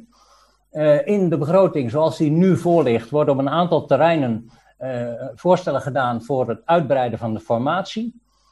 Um, mijn vraag is, als wij de, deze begroting gaan goedkeuren, zit onze formatie op de belangrijke zaken als ruimtelijke ordening en veiligheid, zitten die dan op het minimumniveau, zodat we tijdig zaken kunnen zien voorgelegd voor besluitvorming in de Raad en dat ook naar de burgers toe de juiste zorg en de snelheid gegeven kan worden als het gaat bijvoorbeeld om vergunningverlening.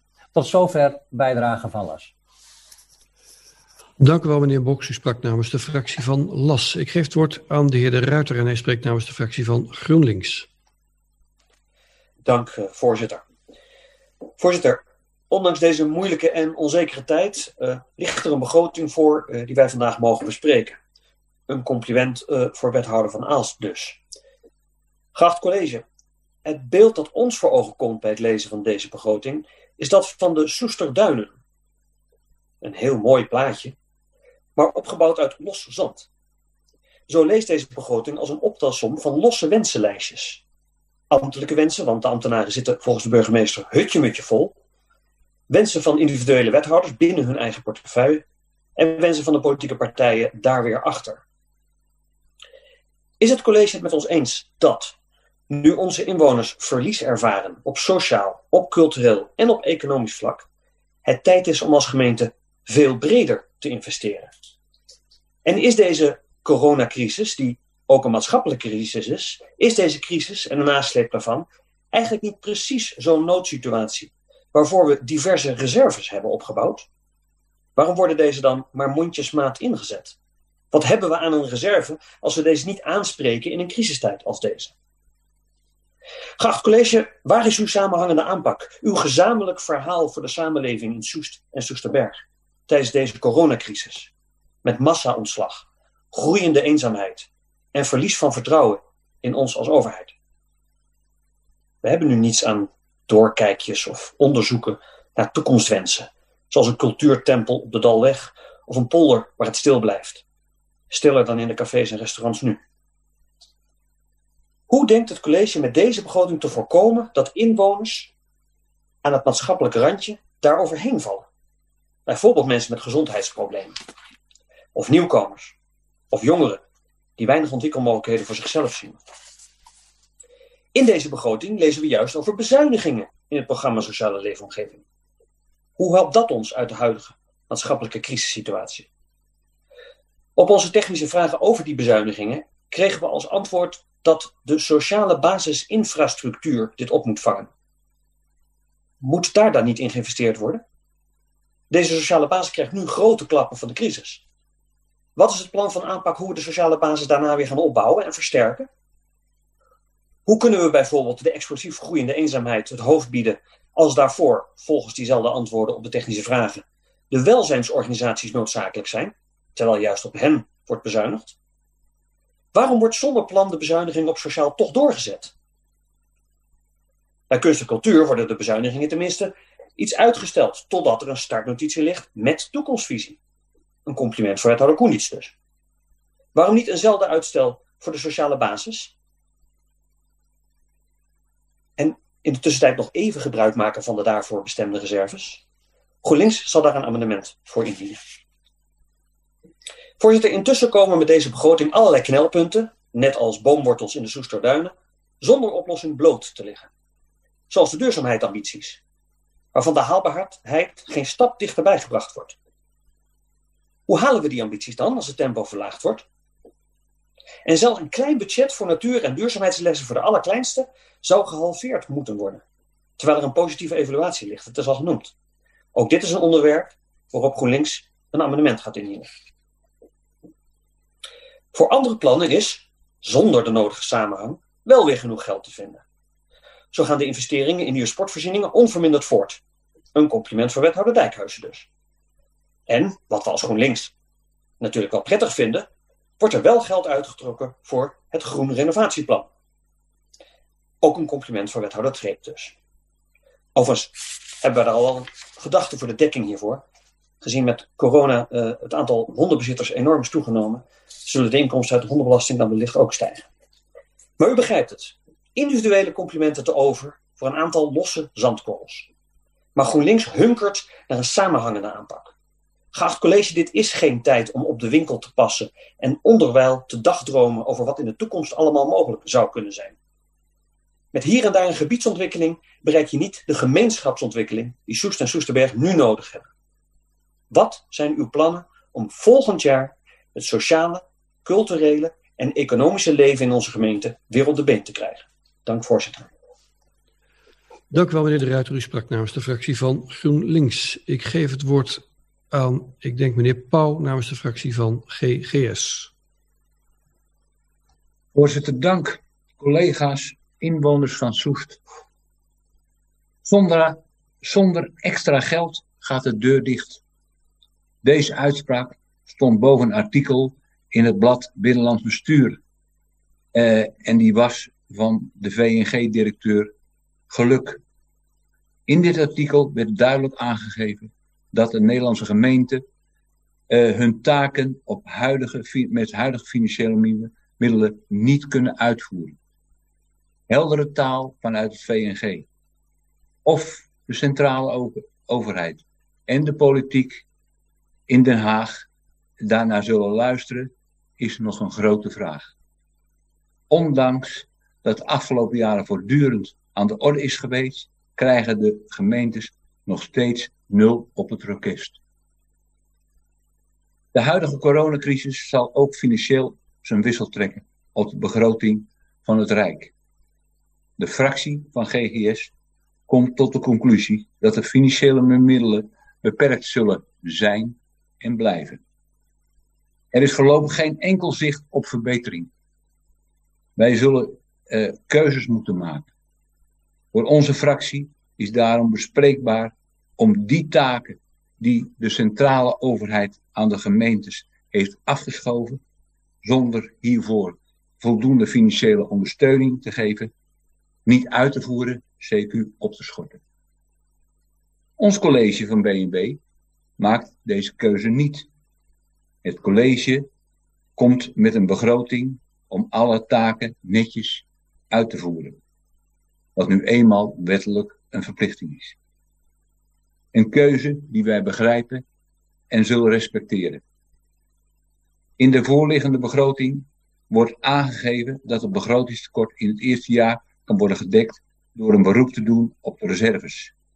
Door inzet van de reserve rentegebruik.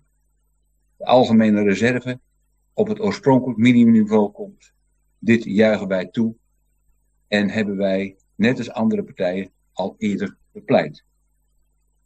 Bij de begroting van 2020 is er, uh, zijn er al financiële maatregelen getroffen.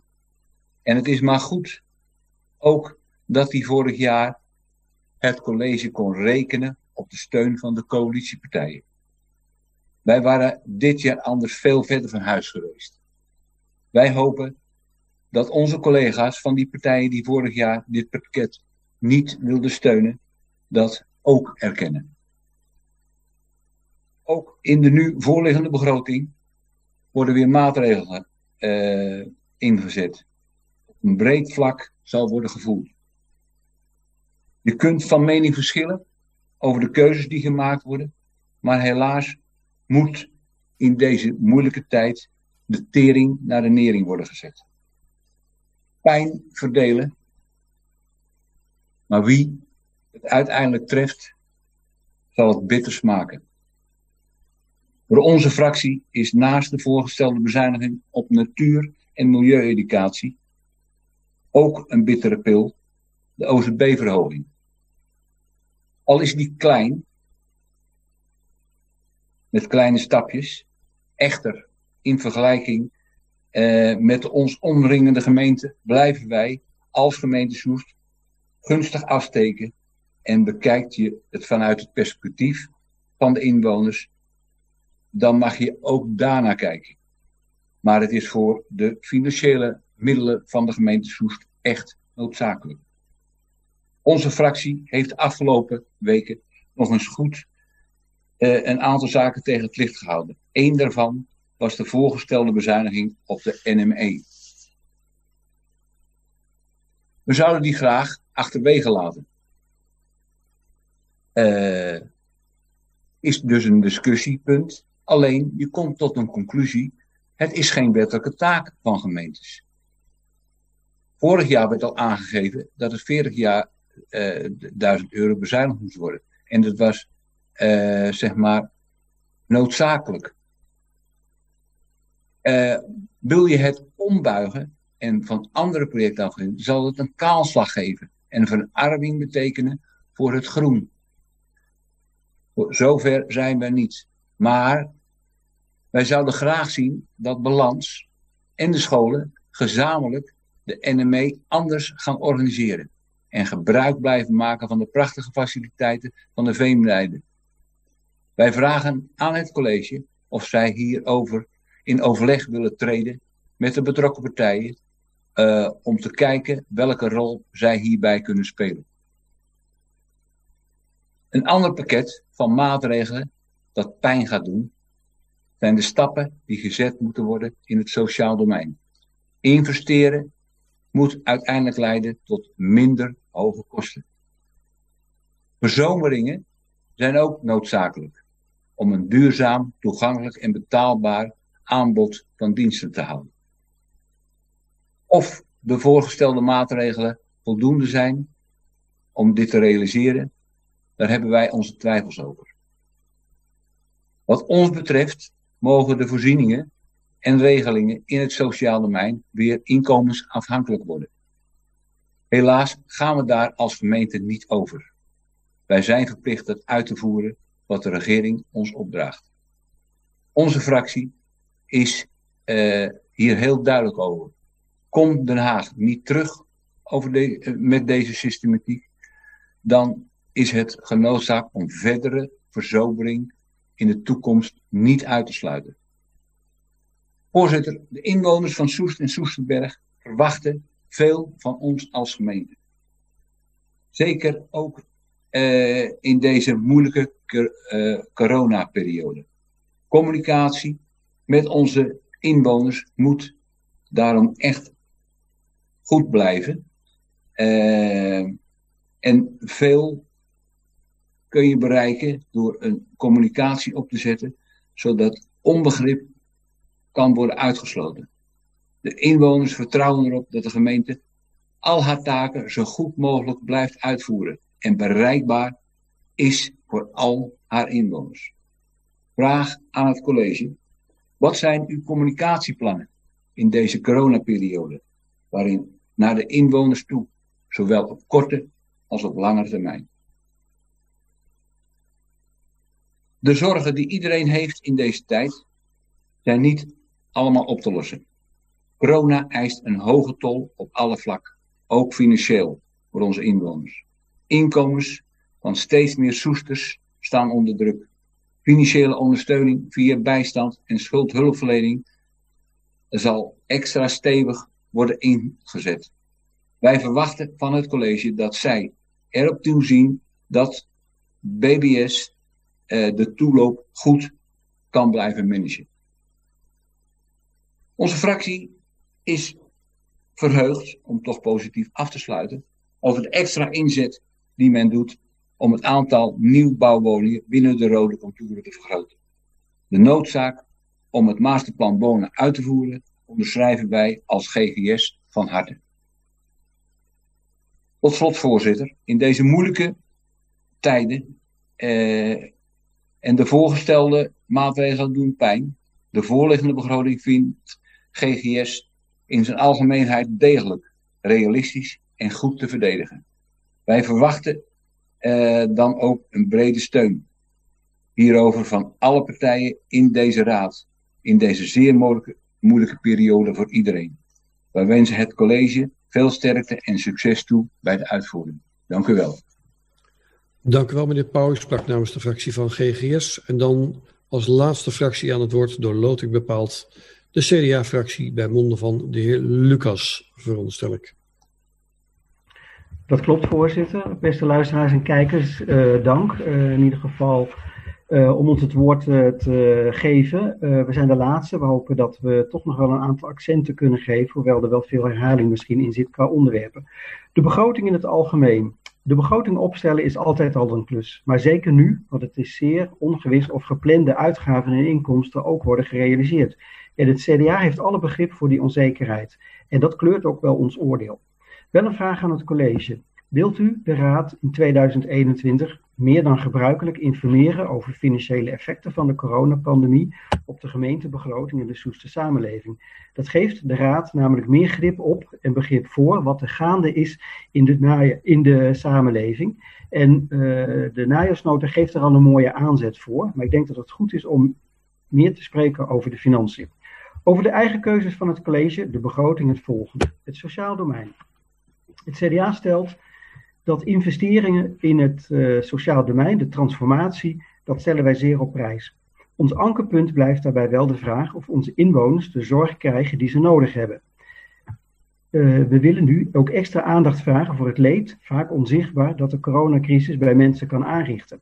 Een oproep is dat eigenlijk ook om organisaties te steunen die onze inwoners weten te bereiken, die last hebben van eenzaamheid, van het fysiek of mentaal niet meer aankunnen. De plannen tot meer samenhang en vroeg ingrijpen in de aanpak van de schuldenproblematiek kan het CDA ook wel bekoren. En dat geldt ook voor de aanpak van de jeugdzorg. Prima als dat beter kan door meer inzet van gemeentepersoneel, maar uiteindelijk moet het uitgangspunt zijn: krijgt men de hulp die nodig is en die effectief is? Ik kan namelijk zelf ook best mijn eigen zorgkosten omlaag brengen door mijn vrouw te vragen mijn kies te vullen. Ze is juf en ze kan veel. Maar voor het huwelijksgeluk laat ik dat toch liever de tandarts doen. Ieder zijn of haar professie, ook in de jeugdzorg. Inzet van de reserves. Het is ook al gezegd, vorig jaar presenteerden we als oppositie een alternatieve begroting. Een unicum in Soest, die eensgezindheid. En wat we nu zien, dat is we werden toen weggehoond, dat eigenlijk de belangrijkste ideeën toen worden overgenomen door het college. Het college spreekt nu wel de reserves aan. U kunt begrijpen dat wij dat kunnen steunen. De begroting kent ook een aantal voorgestelde bezuinigingen. Daarover het volgende. Over NME is al het een en ander gezegd. Vorig jaar draaide de coalitie de bezuinigingen op natuur- en milieu-educatie niet terug. Eerst moest de effectiviteit onderzocht worden. Wel, er ligt nu een uitstekende beoordeling met als conclusie: bezuinigen is dom. Je doet duizenden kinderen en tientallen juffen en meesters tekort. Het CDA dient dan ook net als vorig jaar een amendement in om die 40.000 euro niet te bezuinigen. En uiteraard verwachten we steun van ieder die eerst het onderzoek wilde afwachten. Dat was natuurlijk niet voor niks, dat snappen we. Dus een oproep aan GGS en D66. Wie A zegt, moet ook B zeggen. En weet u overigens wel welk klein deel die 41.000 euro van het totaal van de begroting uitmaakt? Huishoudelijke hulp. De voorgenomen bezuiniging van 140.000 euro op de huishoudelijke hulp. Tja, het college stelt dat dat kan door minder kamers schoon te maken of condities voor zorgmedewerkers te verslechteren. Regionaal inkopen kan inderdaad iets opleveren, maar het CDA gaat er niet aan meewerken dat zorgverleners worden afgeknepen of dat onze inwoners in hun woning moeten verslonzen. Steeds meer mensen op leeftijd blijven thuis wonen en de vraag naar hulp zal toenemen. Vandaar onze vraag aan het college: stelt u het bezuinigingsbedrag voorop of zegt u als inwoners moeten verslonzen, of lagere tarieven voor de zorgverleners moeten worden betaald, dan doen we het niet. Ontmoetingscentra. Heel opmerkelijk is dat het college zegt het accent te willen leggen op verbinding en ontmoeten, maar vervolgens bestaande ontmoetingscentra wil sluiten. De vorige begroting gaf dat ook al aan. Het vage plan om als gemeente een huis van de samenleving te creëren wordt steeds verder naar de achtergrond gedrongen. En dat vinden wij prima. Want het CDA wil dat bestaande activiteiten en initiatieven in de wijken worden gesteund. Denk aan Soes Zuid, de omzetting bijvoorbeeld van de Willeminekerk tot een ontmoetingscentrum, de Willemien, levert een mooi podium voor de wijk, voor heel Soest. Particulier initiatief en daar moeten we het van hebben. En Soest kent zo, naar ons idee, vele huizen van de samenleving. Daar hoeft geen gemeente-etiketje op. Voorzitter, het gaat vandaag om de hoofdlijnen. En voor het CDA is dat ook, naast wat ik al genoemd heb, woningbouw voor starters in de middengroepen. Onderwijshuisvesting voor onze kinderen. Een wettelijke taak, maar we missen het financieel vooruitzicht.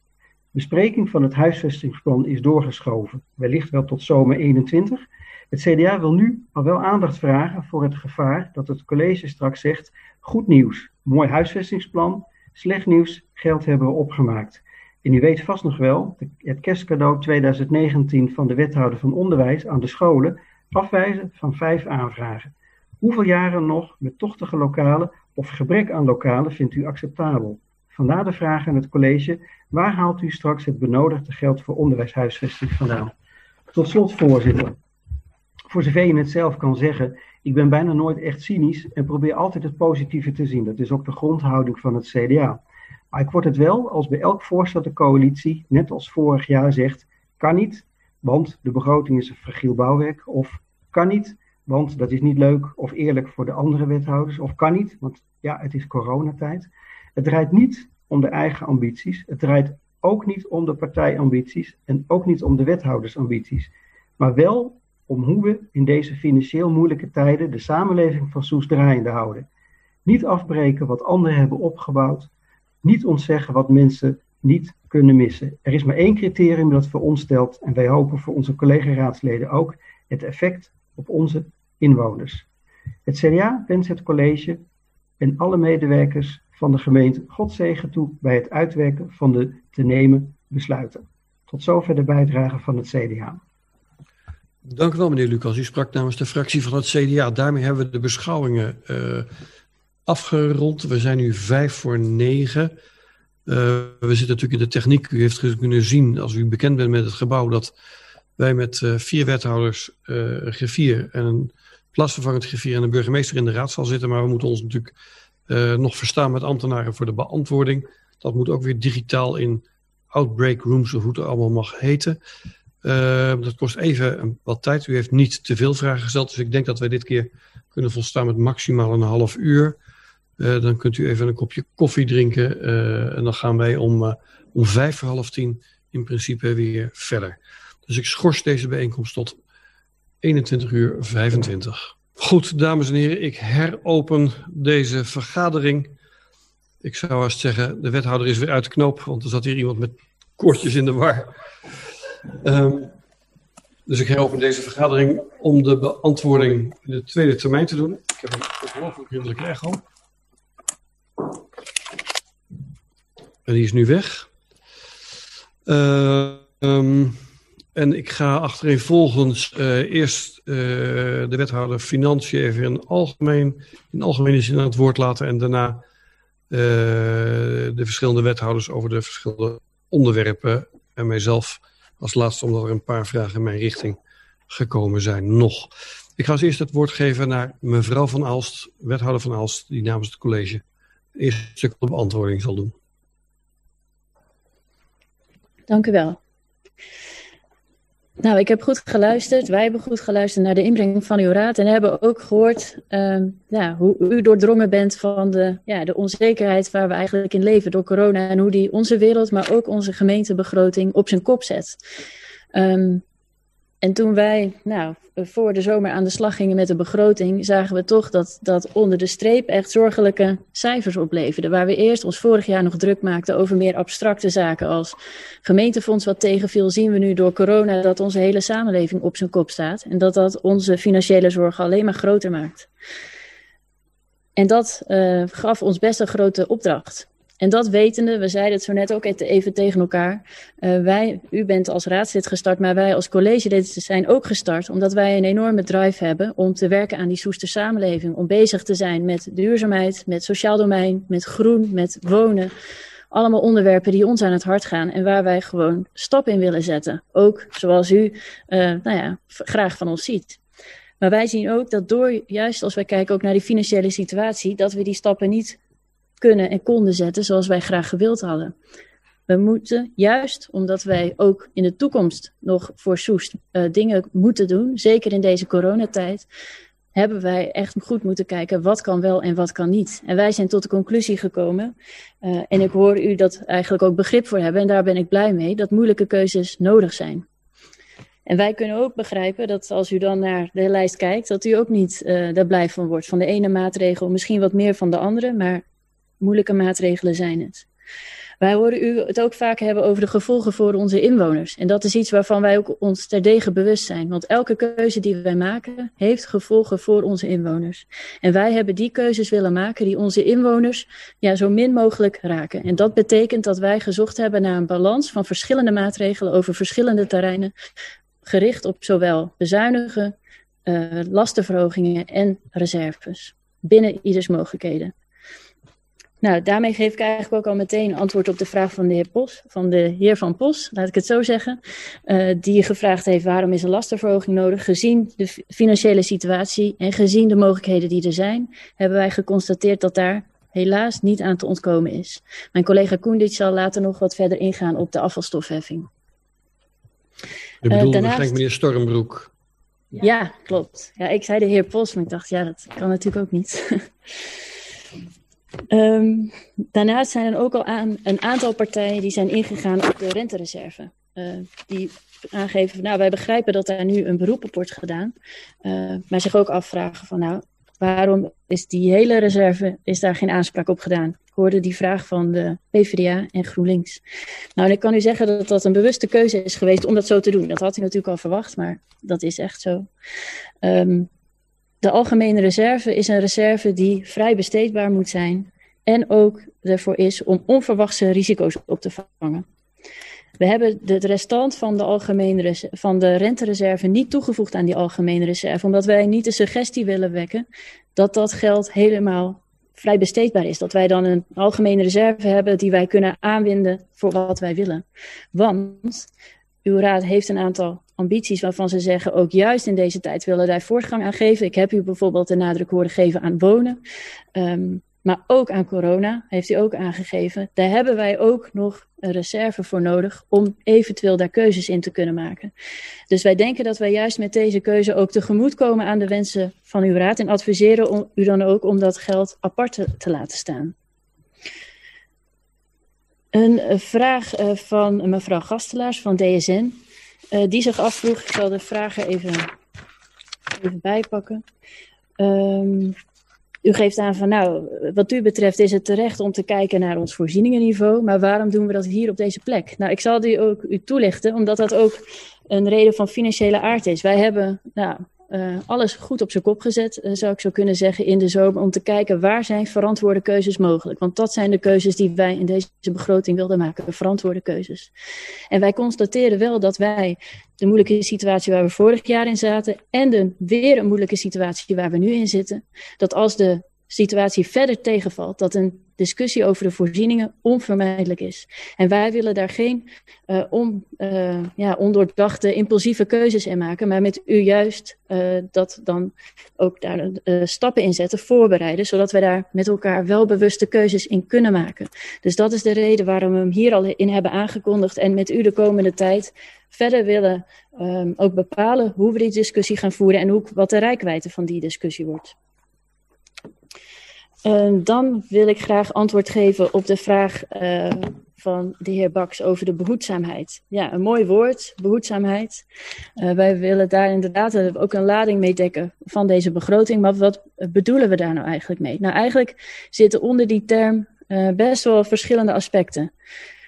Um, ten eerste hebben wij u bewust een structureel sluitende begroting aangeboden. Het is misschien verleidelijk om te denken van, nou, wij, juist vanuit die drive dat wij die ambities op sociaal domein, op duurzaamheid, et cetera, ik noem het maar, maar op, zo snel mogelijk willen realiseren, om vooral naar de eerste jaren te kijken.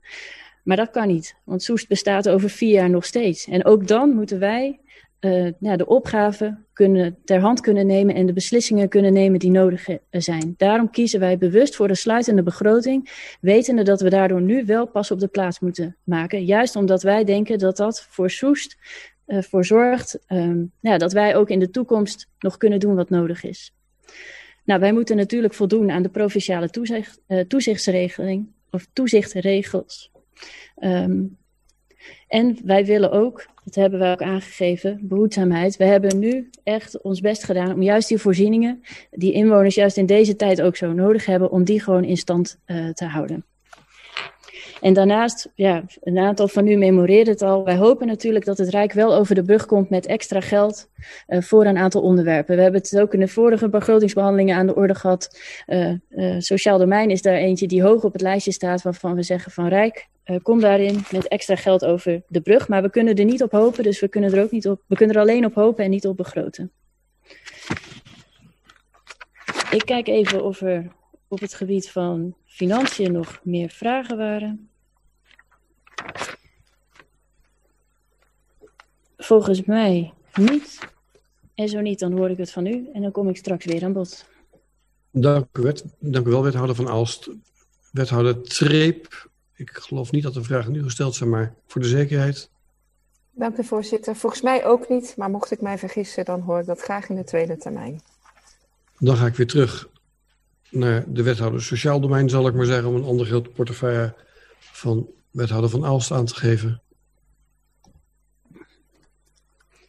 Dank u wel. Nou, graag ga ik ook in op uh, het sociaal domein. Ook een onderwerp uh, waar een, een, flink deel van uw raad ook even bij, bij heeft stilgestaan. En dat kan ik me voorstellen. Uh, ja, dat kan ik me zeker voorstellen. Nou, eerst een vraag uh, die gaat over het hulp bij het huishouden. Hebben verschillende uh, partijen hebben die vraag gesteld. Nou, wij hebben met elkaar in de kaderbrief voor de zomer gesproken over verschillende sporen. En u heeft ons gevraagd om de, het spoor versoberen en investeren uit te werken. En dat hebben wij gedaan. En we hebben met de inbreng die u tijdens de raad heeft gegeven uitgangspunten geformuleerd. En een belangrijk uh, uitgangspunt daarbij is dat inwoners die zorg nodig hebben, moeten die kunnen krijgen. Nou, er zijn er natuurlijk nog meer. Maar langs die uitgangspunten hebben wij de versoberingsmogelijkheden gehouden. En wij constateren dat uh, nou, een aantal voorstellen, er staan vier in de begroting waar huishoudelijke hulp er één van is, ehm, dat die het meest voldoen aan de voorwaarden. Uh, we hebben ook gekeken wat daar mogelijk als besparing tegenover kan staan. Dat betekent echter nog wel dat wij nou, met al het werk van de zomer nog niet klaar zijn. Wij vragen u nu met deze begroting om aan te geven, kunnen wij dat spoor verder aflopen? En dan gaan wij uh, nou ja, verder uitzoeken wat daar de mogelijkheden in zijn. En we komen daar ook bij u op terug omdat de huishoudelijke hulp ook een onderwerp is waar ook nog de raad uh, nou, aan zet is om ook over te besluiten. Natuurlijk uh, gaan wij daar niet onder de kostprijs zitten. Zo een aantal raadsleden hinten daar misschien op. Onder de kostprijs kunnen we ook niet. Natuurlijk kunnen er ook ontwikkelingen zich nu nog voordoen die nou, misschien veranderingen in het bedrag uh, uh, veroorzaken. Uh, maar wij kijken wel binnen onze mogelijkheden. Uh, wij doen dat ook op regionaal niveau. Waar zitten de sturingsmogelijkheden? We hebben ze inderdaad al voor een aantal onderwerpen. Hebben we ze gewoon in beeld gebracht. en wat, ehm, ja, wat levert dat op? Wij willen er ook, wat, wat dus de, ook betekent van, nou, wij willen er zijn voor de inwoners die, die dat nodig hebben. Ehm, dus zodra wij daar aan tornen, dan komen wij zeker bij u terug. Even kijken.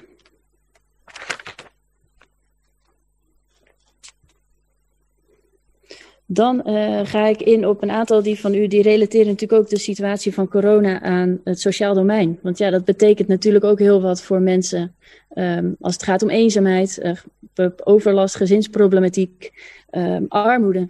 Uh, daar, daar, hebben we het begin wellicht nog maar van gezien. en de heer eh, de Ruiter van GroenLinks, die vroeg zich ook af van hoe willen wij voorkomen dat mensen in de knel komen. Nou, Ehm, zoals wij ook eerder nu hebben aangegeven, wij houden telkens vinger aan de pols in contacten met de samenleving, met onze partners daarin, om te kijken wat er aan de hand is. Ehm, daar gaan we u ook regelmatig over informeren. 15 oktober was nou een van de eerste keren in wat allemaal nog volgt. Daarnaast hebben wij ook bewust in deze begroting de keuze gemaakt om niet uh, te bezuinigen op het minimabeleid. Omdat wij juist in deze tijden, uh, waarin mensen moeilijk uit armoede kunnen komen uh, en nou, misschien er wel sneller in geraken als wij er niet zijn, om daar juist niet op te bezuinigen. En u vraagt ook wat uw plannen zijn om uh, nou, sociale, culturele, economische leven weer op de been te helpen. Uh, nou, u moet het met mij eens zijn dat de toekomst, ja, in de toekomst vooruitkijken, dat dat uh, tegenwoordig best wel, best wel ingewikkeld is. We kunnen een aantal weken vooruitkomen, we kunnen een aantal maanden misschien vooruitkijken. Maar om nou, bij het vaststellen van de begroting al kant en klaar de plannen gereed te hebben, uh, dat is wat veel gevraagd. Maar zoals ik u eerder aangaf, we hebben nu een bestuursopdracht hebben wij opgesteld. Daar bent, heeft u wellicht ook in onze besluitenlijst kunnen zien. Waarin wij ook aangeven, wij gaan de samenleving uh, bevragen, vinger aan de pols houden. Hoe staat het ervoor? Wij nemen maatregelen als dat nodig is, pakken signalen op. En zullen ook inspelen op de situatie en doen wat, inwoners van, wat, wat er voor inwoners nodig is. Maar om dat nu al helemaal in een plan uiteengezet te hebben, uh, daarvoor is het te vroeg. Uh, de heer Lucas van het CDA vroeg ook van, wilt u de raad vaker dan gebruikelijk informeren? En u doelde ook vooral op de financiële situatie. Ook daar zou ik eigenlijk willen teruggrijpen op de bijeenkomst die wij 15 oktober hebben gehad. Um, waarin wij eigenlijk een eerste nou, brainstorm sessie met elkaar gedaan hebben. En u ook heeft aangegeven, wij willen met regelmaat met u over dit onderwerp praten. Juist ook wel omdat de situatie zo snel kan wijzigen en het goed is om dan elkaar regelmatig te spreken. Um, nou, wij kunnen u ook toezeggen om dan um, nou, in ieder geval ook met uw raad een, aan een voorstel voor te leggen hoe wij die gesprekken in willen richten. En u ook een beeld geven van de financiën. Dat kan niet altijd zo uitgebreid zijn, omdat dat ook best wel wat uh, werk veroorzaakt. Dat zal misschien ook juist uh, wat beknopt zijn. Um, maar wij zullen uh, wel uw aandachtspunt in gedachten houden wat dat betreft. Dat was het, dank u wel. Dank u wel, wethouder Van Aalst, vanuit die portefeuille. Dan kijk ik nu naar wethouder Koendisch voor haar portefeuille namens het college. Zo. Wethouder Koendisch gaat het knopje aanzetten, maar u bent nu nog even... Nu wel? Ja. Oké, okay. dan doen we het zo. Um, dank u wel, voorzitter. Um, er zijn uh, veel opmerkingen gemaakt over de verschillende uh, vanuit mijn portefeuilles, maar de vragen vat ik uh, samen in drie grote brokken, zoals ik dat graag doe. Um, eerste gaat over afvalstoffenheffing, die in deze begroting behoorlijk stijgt. Daar zijn verschillende opmerkingen over gemaakt.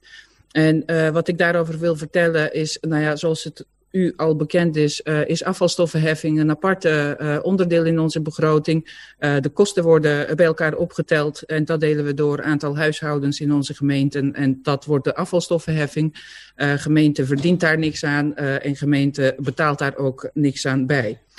Um, de reden dat de kosten deze keer zo stijgen is uh, met name de uh, tegenvallende aanbesteding, de uh, prijzen van de grondstoffen die zijn aan het dalen en de kosten van de restafvalverwerking die zijn aan het stijgen. En dat leidt tot deze uitkomst. Um, er zijn ook opmerkingen geplaatst door bijvoorbeeld DSN dat uh, ons huidige systeem van inzamelen met bronscheiding, dat dat mogelijk bijdraagt aan die hogere kosten. Uh, dat is absoluut niet zo. Het is zelfs zo dat die omgekeerd inzamelen die kosteneffect uh, wat dempt. Want daardoor hebben we minder restafval en meer grondstoffen. Als we dat niet hadden, dan zou die kostenstijging nog veel hoger zijn. Uh, een tweede grote onderdeel uh, is, zijn de vragen over de energietransitie. En met name uh, ChristenUnie heeft de vraag gesteld... wat betekenen deze bezuinigingen voor de haalbaarheid van onze doelen en onze ambities? En ik ben het met u en met ChristenUnie eens dat het wel erg jammer is dat we moeten temporiseren. Um, en we um, hebben verschillende onderdelen in onze begroting van het programma Energietransitie, uh, die we dit jaar niet hebben uitgegeven, uh, hopen we in najaarsnota door te schuiven naar volgend jaar, waardoor we die bezuiniging wat indammen. Ehm, maar we zullen toch wel moeten temporiseren, want um, het geldt zoals altijd, zoals onze voorzitter wel vaker zegt, geen geld, geen Zwitsers. En dat geldt hier ook. Dat wat we niet hebben, kunnen we simpelweg niet uitgeven. Um, en ik hoop dat dat niet al te grote gevolgen heeft voor wat langere termijn uh, energietransitie. En de laatste, uh, oh, daar heb ik nog een onderdeeltje over NME, natuur- en milieueducatie. Uh, veel partijen hebben daar opmerkingen over gemaakt. Um, en uh, nou ja, daar vinden we het ook erg jammer dat daarop bezuinigd moet worden. Uh, het is wel zo dat we binnen het programma Energietransitie uh, 18.000 euro gereserveerd hebben voor educatie. Dat wordt toegevoegd aan het budget van NME. Dus de aandacht verschuift wat van uh, beestjes en boompjes, om het even zo te zeggen, naar meer de duurzaamheidskant. Maar daadwerkelijke bezuiniging, dus in zijn totaliteit, is dan 22.000 euro. En nou ja, ik laat het ook aan u raden over wat u daarmee dan wel of niet doet. En de laatste grote onderdeel uh, zijn de opmerkingen over wonen. En met name de vraag vanuit Soes 2002, uh, geloof ik, over nou ja, hoeveel sociale woningen worden nou volgend jaar gebouwd.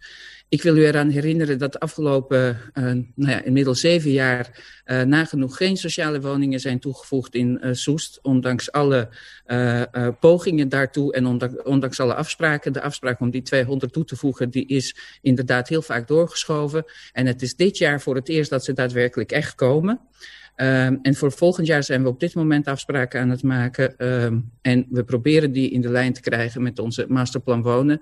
Waarin 50% van dat wat we bouwen ook in betaalbare sector komt. Of dat lukt is ook weer afhankelijk van uh, de investeringspositie van corporaties. Zowel zij als wij willen wel heel graag. Uh, maar ook hier geldt uh, geen geld, geen Zwitsers. Dank u wel, voorzitter.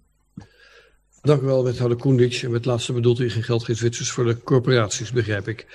Dan geef ik het woord aan wethouder Dijkhuizen. Ja, voorzitter, dank u wel. Ik heb een paar opmerkingen gehoord en uh, twee vragen uh, eruit gehaald. Uh, er is een opmerking gemaakt door Soes 2002 over de teleurstelling van het uitlopen van het IHP.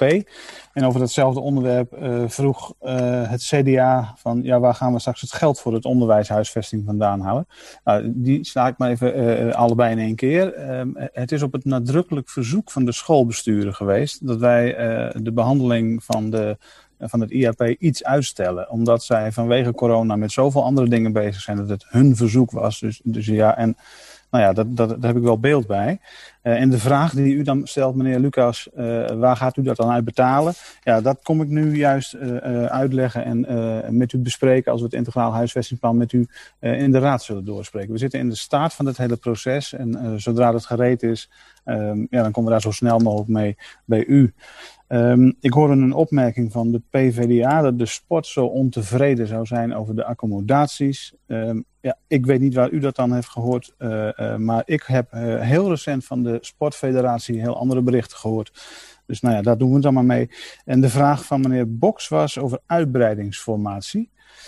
meneer Boks, u zei, zitten we nu met die uitbreiding op het minimumniveau om tijdig aanvragen af te kunnen werken? Um, en het antwoord daarop is ja, natuurlijk niet. Uh, uh, want er zijn gewoon, er is een zo grote druk op de afdeling ruimte. Er zijn zoveel vragen en zoveel zaken die daar spelen. Uh, en wethouder Van Aal zei dat het is een behoedzame exercitie die wij gedaan hebben. Wij menen dat we met de uitbreiding zoals we die nu voorstellen, een evenwichtig voorstel doen waarin we in ieder geval um, de, de, de, ja, het gat wat er is tussen wat we weg te werken hebben en wat we werkelijk wegwerken, in ieder geval kleiner maken. Uh, en, en daarmee een stap voorwaarts maken en het wegwerken van de ruimtelijke plannen. Voorzitter, dat is volgens mij wat uh, bij mij neergelegd was. Dank u wel, wethouder Dijkhuizen. Er zijn nog een paar vragen aan mij geadresseerd geweest. de ene ging over boorcapaciteit, burgerbelangen in deze begroting wordt structureel gemaakt. Uh, de, de jeugdboa's die er, uh, die er waren, die in tijdelijke financiering zitten, die nu structureel zitten. Dus we blijven de mogelijkheid houden om, daar, houden om, daarmee, om daarop in te zetten.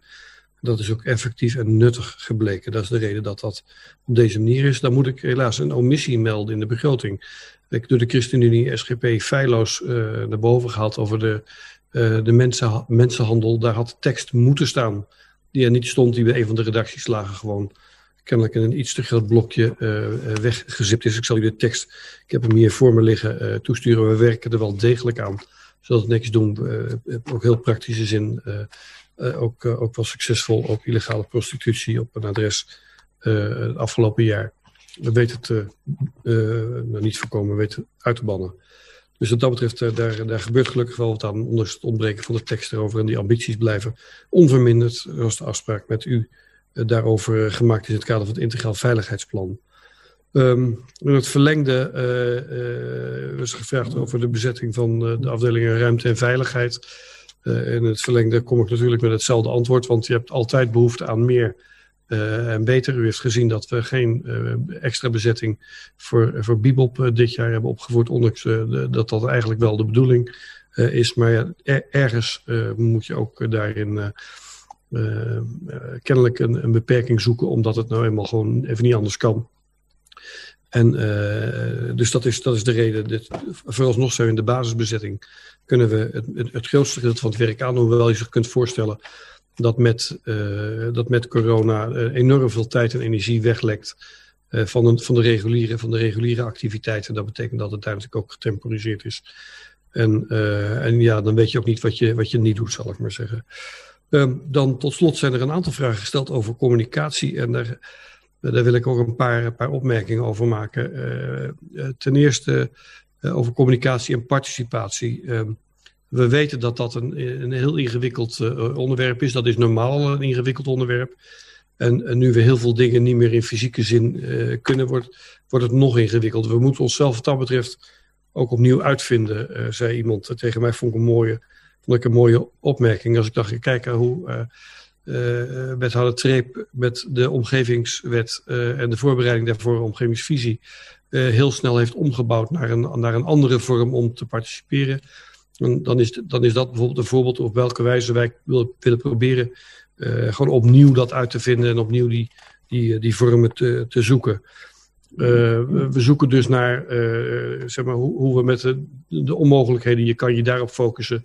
Maar eigenlijk zoeken we vooral naar de mogelijkheden om, om met, met mensen, met, met onze inwoners samen te kijken wat wel kan, op welke wijze wij gewoon weer uh, dat, dat cement kunnen, kunnen vormen als, als lokale overheid. We zoeken naar de, de mensen en de mogelijkheden wat wel kan. Dat zal ook het adagium worden waarin we de komende periode met elkaar gaan verkennen, gaan zoeken naar, naar andere vormen. en natuurlijk, meneer Pauw, heeft een, een, een volledig helder punt gezet. Ja, we moeten natuurlijk juist in deze tijd bereikbaar zijn voor de samenleving naar aanleiding van die signalen op 15 oktober. bezien we dat opnieuw en daar waar mogelijk uh, voorzien we mensen van, van telefoon en uh, van mobiele telefoons en, en doorverbindmogelijkheden, zodat we die bereikbaarheid juist voor onze inwoners, juist in deze periode kunnen, kunnen verbeteren. Dus de ambitie is ten aanzien van communicatie hoger dan dat die uh, was. Dat vertaalt zich ook in allerlei activiteiten. Uh, kijken naar wat wel kan, niet kijken naar wat niet kan. En we zullen dat ook met, in, goed Nederlands met trial and error moeten doen. Want niet, uh, niet alles zal in één keer goed gaan en, en lukken. Maar we doen, we doen daar ons best over we zijn de afdeling op alle mogelijke manieren ook aan het versterken. Omdat wij als geen ander met u beseffen, uh, heel nadrukkelijk, inclusief u, op welke wijze, dat, dat het heel belangrijk is om juist die communicatie tussen onze inwoners, met alle dilemma's en onzekerheden waar ze op dit moment in verkeren, en daar waar ze in contact met die overheid willen staan, om te kijken op welke wijze we daar goed vorm aan kunnen geven. Goed, dat gezegd hebbende sluit ik daarmee de beantwoordingstermijn van het college af. En ga ik inventariseren of u in de stortvloed van het afgelopen half uur uh, met de beantwoording van de vragen die gesteld zijn, in, voor de tweede termijn. Ik zag in ieder geval meneer Lucas uh, de hand opsteken. Ik ga even kijken. Dan zie ik meneer, de, meneer Post 2, zal ik maar zeggen, meneer Verstegen. Nee, het was, het was een grapje. Meneer De Ruiter. Meneer Witloks. Meneer Witloks. Meneer Pauw. Meneer Pauw. Mevrouw Gastelaars. Mevrouw Gastelaars. De Wilde. Meneer De Wilde. Nou, dat lijkt het vooralsnog eventjes te zijn. Nee, meneer Silke zie ik nu. Nou, we gaan kijken wie er straks nog verder overblijft. Ik geef in ieder geval als eerste het woord aan de heer Lucas en hij spreekt namens de fractie van het CDA. Ja, voorzitter, dank. Dank, uh, wethouder, voor de toezegging. We hadden inderdaad al een hele mooie discussie een uh, maandje geleden. Het was inderdaad de bedoeling al om dat uh, voor te zetten. Maar uit die najaarsnota maak ik op dat we ook heel veel kunnen hebben aan de cijfers die worden aangeleverd. En dan bedoel ik echt niet elke maand een overzicht, want ik weet wel, iedereen heeft wel wat beters te doen. Maar het met elkaar bespreken van wat er gaande is en wat de effecten zijn op de Soeste samenleving, dat leidt tot een beter begrip ook bij ons als uh, raad. Dus mooi dat dat er aankomt. Uiteindelijk willen we het natuurlijk liever er niet over hebben, voor alle duidelijkheid. Toch nog een vraag over die huishoudelijke hulp. Want ik snap, en dat heb ik ook in mijn bijdrage gezegd, dat uh, je wellicht wel wat kan halen uit een wat scherpere ja, onderhandeling, hè, als je dat op regionaal niveau doet. Maar het lijkt dan net alsof er nu allerlei. Um, ja, alsof er veel huishoudelijke hulp wordt gegeven die eigenlijk niet gegeven hoeft te worden. Uh, en we hoeven nou geen discussie over de aantallen, uren en zo te hebben, maar het beeld ontstaat nu dat het uh, heel makkelijk doorheen gaat slippen. En ik wilde echt nadruk op leggen dat we dat niet, uh, niet moeten hebben. Verder de reactie van de wethouder onderwijs. Ja, we weten inderdaad dat het vooral het onderwijs is dat nu even heeft gezegd, er zijn hele andere belangrijke zaken nu aan de hand. We moeten eerst zorgen dat we de lessen gewoon uh, goed op uh, orde hebben. Maar het punt is, wij vinden in de begroting niet voor 2021 iets terug, maar voor de jaren daarna ook niet. En ik neem dan maar aan, en ik zou zeggen, ik leg u haast de woorden in de mond, dat we dat bij de behandeling wel krijgen en dat het niet zo is dat u dan alsnog naar geld moet zoeken. Dat is wat ik ook met mijn opmerking bedoel. Ja, mooie plannen, maar het geld is op. Dat moet absoluut niet gebeuren, want de scholen wachten er nu al. 2020 is verloren gegaan, 2021 gaat ook al verloren. Dat moet gewoon niet, uh, niet gebeuren. Ja, de NME, ik ben blij dat uh, wethouder iets aangeeft dat, uh, want zo ik had het eerst anders begrepen, dat uh, het geld wat je daarvoor zou kunnen zeggen, als dat is educatiegeld, dat dat naar het NME-gedeelte gaat. Mijn beeld was eerst dat er in dat programma ook een soort ja, educatieonderdeel komt, wat los staat van wat er is. Het mooie is juist, en dat laat het onderzoek ook zien, dat uh, de NME, het, een van de aanbevelingen is ook, kijk of je het wat kan aanpassen, prima. Maar zoals ik het nu begrijp, is het zo dat het uiteindelijk een, ik wil zeggen, begroting, een bezuiniging is van niet die 40 of 41.000, maar van die 22.000 euro. Um, en ik denk dat we straks in conclaaf moeten over of dit nou echt uh, zo'n wezenlijk onderdeel is van de begroting, en dan doe ik toch een beroep op GGS en uh, D66, dat we moeten zeggen van dit kan echt niet, dit is zo'n belangrijke hoeksteen van de begroting, hier moeten we niet aan het tornen, maar dat is een discussie voor, uh, voor later. Dus ik ben blij met de antwoorden die tot nog toe zijn gegeven, en zo, zo niet, dan komen we er later alweer op terug. Dank u wel, Meneer Lucas, u sprak namens de fractie van de, het CDA. Ik ge, geef het woord aan de heer Verstegen en hij spreekt namens POS.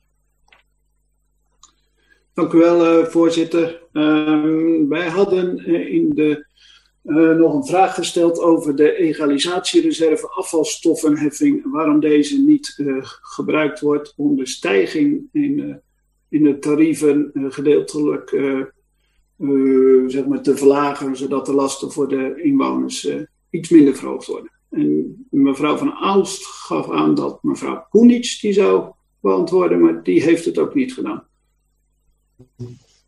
Een mooie truc is dat, hè? Ja. We gaan het er nog even hebben. We hebben het er toch over gehad. Nee, zo was het niet bedoeld. Het is gewoon een omissie. Uh, dank u wel, meneer Verstegen, voor deze aanschrijf. Meneer De Ruiter, GroenLinks, u heeft het woord. Ja, dank voorzitter. Uh, twee van onze vragen zijn uh, blijven liggen of naar mijn smaak onvoldoende scherp uh, beantwoord. Um, eerste vraag ging over wat de sociale basisinfrastructuur genoemd werd. en de vraag was waarom nu in de huidige situatie bezuinigd moet worden op de ondersteuning van die sociale basis door welzijn. Ondersteuning die hard nodig is, zonder dat er een plan ligt hoe die sociale basis overeind te houden. Dan hebben we op zijn minst de inzet van die welzijnsorganisaties onverminderd nodig. Uh, de tweede vraag ging over um, de ambitie met de energietransitie. En die vraag was: hoe halen we uh, onze ambitie bij de energietransitie, die al uitgesmeerd is over de uiterste termijn, als we dit gaan temporiseren? Ik, voor mij zit daar geen logica in. Dan heb ik nog één aanvullende vraag, ook aanvullend op wat de heer Lucas net stelde begrijp ik het nu goed? De letterlijke tekst van uh, mevrouw Koenits over het NME was... de daadwerkelijke bezuiniging is dus maar 22.000 euro. Gaan we dat dan straks ook terugzien in een gecorrigeerde tabel voor beschikbare subsidiebedragen? daar stond al een verkeerd bedrag. Ehm, wordt dat nu nog helemaal opgehoogd zodat het inderdaad maar 22.000 euro minder is? Dank voorzitter. Dank u wel, meneer De Ruiter. U sprak namens de fractie van GroenLinks. Meneer Witloks, Partij van de Arbeid. Dank u wel, voorzitter. Ehm, allereerst uh, in aansluiting op wat meneer Lucas ook gezegd heeft ehm, over uh, de reactie in de reactie op uh, de huishoudelijke hulp. Ik had gevraagd waar het college zich op baseert dat die lage tarieven kunnen worden gerealiseerd. Um, en ik krijg het antwoord van, nou, we zijn nog niet klaar met het onderzoek. Uh, en kunnen we dat spoor verder aflopen? Nou begrijp ik natuurlijk dat we dat in een later stadium nog terugkrijgen. Maar uh, de ongerustheid is nog niet, weggelopen, nog niet weggenomen bij mij.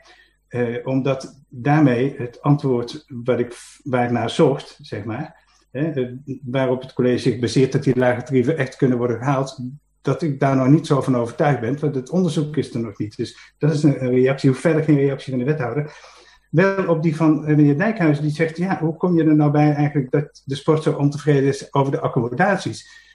Uh, dat haal ik gewoon uit het stuk zelf. Op bladzijde 17 staat dat uh, onze inwoners veel minder, of behoorlijk minder tevreden zijn over de sportvoorzieningen. Dat is het, tabelletje wat rechtsbovenaan op bladzijde 17 staat. Dat waren, ik hoef dus eigenlijk geen antwoorden, maar dat is een reactie op de opmerking van zowel de wethouder, van van de wethouders Dank u wel. Dank u wel, meneer Witloks namens de fractie van de Partij van de Arbeid. Meneer Pauw namens de fractie van GGS. Dank u wel. Uh, dank voor het antwoord over de communicatie. Uh, ik ben daar blij mee. Uh, dan nog even over de natuur- en milieueducatie. Die, zeg maar, per saldo bezuinigen we daar 22.000 euro op.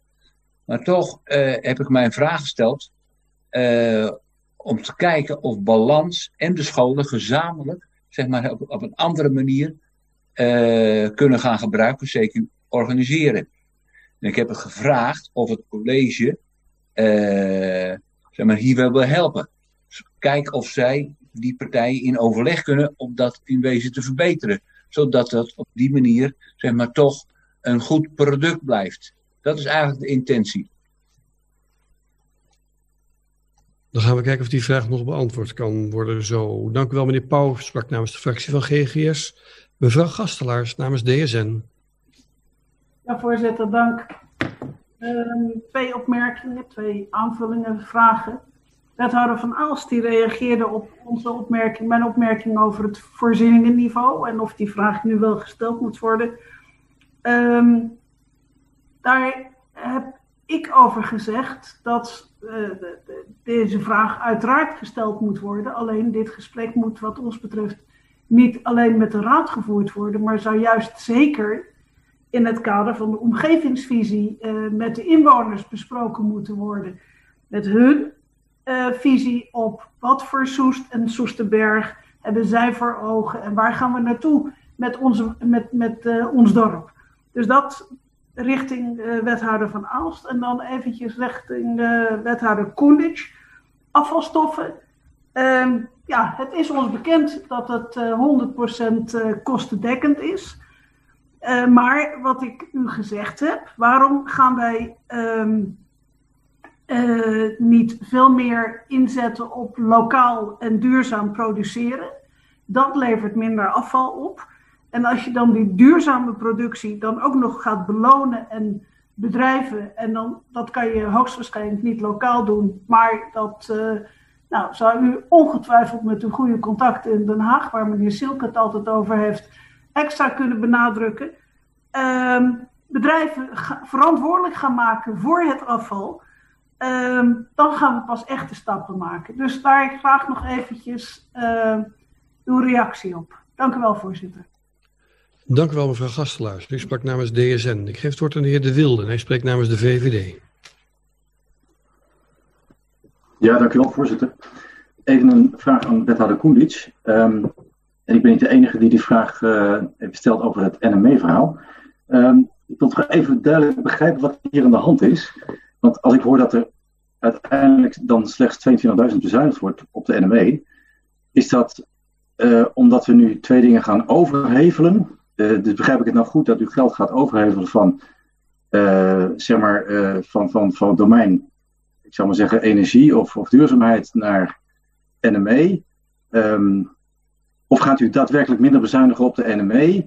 Of begrijp ik goed dat er nu eigenlijk twee keer NME in de begroting zat? Ik, ik ben even spoorbijster. Ik, ik ga ervan uit dat er geen dat het, totaal te bezuinigen bedrag nog steeds gelijk blijft. Uh, dat zou ik eigenlijk willen weten. Dank u wel. De vraag is duidelijk. Dank u wel, meneer Wilde. De Wilde u sprak namens de VVD. Ik geef het woord aan de heer Sielke en hij spreekt namens D66. Ja, dank u wel, meneer voorzitter. Ik heb uh, met veel belangstelling um, naar mijn collega's geluisterd, uh, die zich ook een weg hebben moeten banen in deze duistere tijden en met deze moeilijke begroting. en die, uh, die liep ook heel erg uiteen. Ik heb echt heel veel verschillende voorstellen en wijzigingsvoorstellen voorbij zien komen. Overigens wel zonder dekking.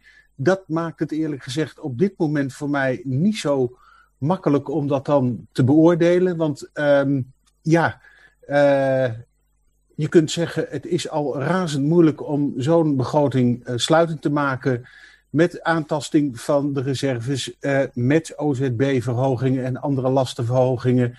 En dan ook nog op alle andere delen, uh, ook die van de ambitie uh, van mijn fractie en van de coalitie. dus dat is een frag fragiel bouwwerk. Um, dus wat bij mij eigenlijk vooral is, is blijven hangen. Um, want van die verschillende voorstellen, daar kan ik dus nu niet over zien bij gebrek aan dekking. Eh, gegeven het feit dat deze begroting ook een, een behoorlijk samenhangend, onder, samenhangend gebouw vormt. Dat, dat was de oproep van meneer Baks. Ehm, namelijk dat het in deze tijden ontzettend belangrijk is om de dingen samen te doen.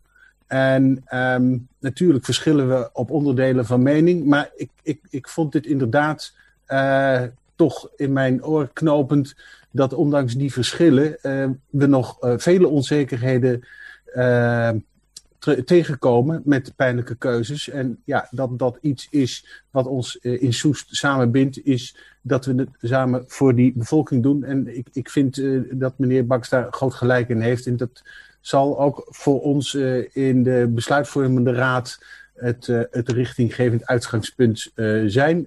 met dank voor meneer Baks. Dank u. Dank u wel, meneer Silke. Voor, voorzitter, we zitten toch nog voor de knip. Dit, we moeten toch vragen aan de wethouder stellen. Dit leek meer een speech van meneer Silke. Nee, dat is gewoon de tweede termijn en er zit alles nu in. Dus, volgens mij doen we dit gewoon in een tweede termijn. Ik zat even naar mijn G4 te kijken. We hebben in de behandelvoorstel van deze begroting... Hebben wij, uh, daar, daar kunt u vinden dat wij gewoon in twee termijnen met elkaar spreken. Uh, in plaats van in de vier termijnen die u normaal gebruikelijk bent. Dus Um, dus het hoefde niet in de midden. Ik, ik zit hem op de tweede pagina bovenaan. Daarnaast de tweede termijn van de Raad. Gelegenheid voor reactie op bijdrage van het college, bijdrage van elkaar. En u kunt dan eventueel wel of niet een motie en of amendement aankondigen. Maar als dat leidt nog tot een aanvullende bijdrage van uw kant, ga ik u daar de gelegenheid voor bieden. Want het zou zonde zijn als, we, als u allemaal kruid bij de borst gehouden heeft, waar we de volgende week weer niet efficiënt kunnen vergaderen. Maar ik ga nog meer kijken, want ik had slechts acht fracties gehad tot nu toe uh, van de twaalf. Dus ik kijk of er nog meer mensen in de tweede termijn het woord wensen. Nee, meneer Verstegen, heeft u nog dingen tegen de borst gehouden waar u nu graag mee van de slag wil?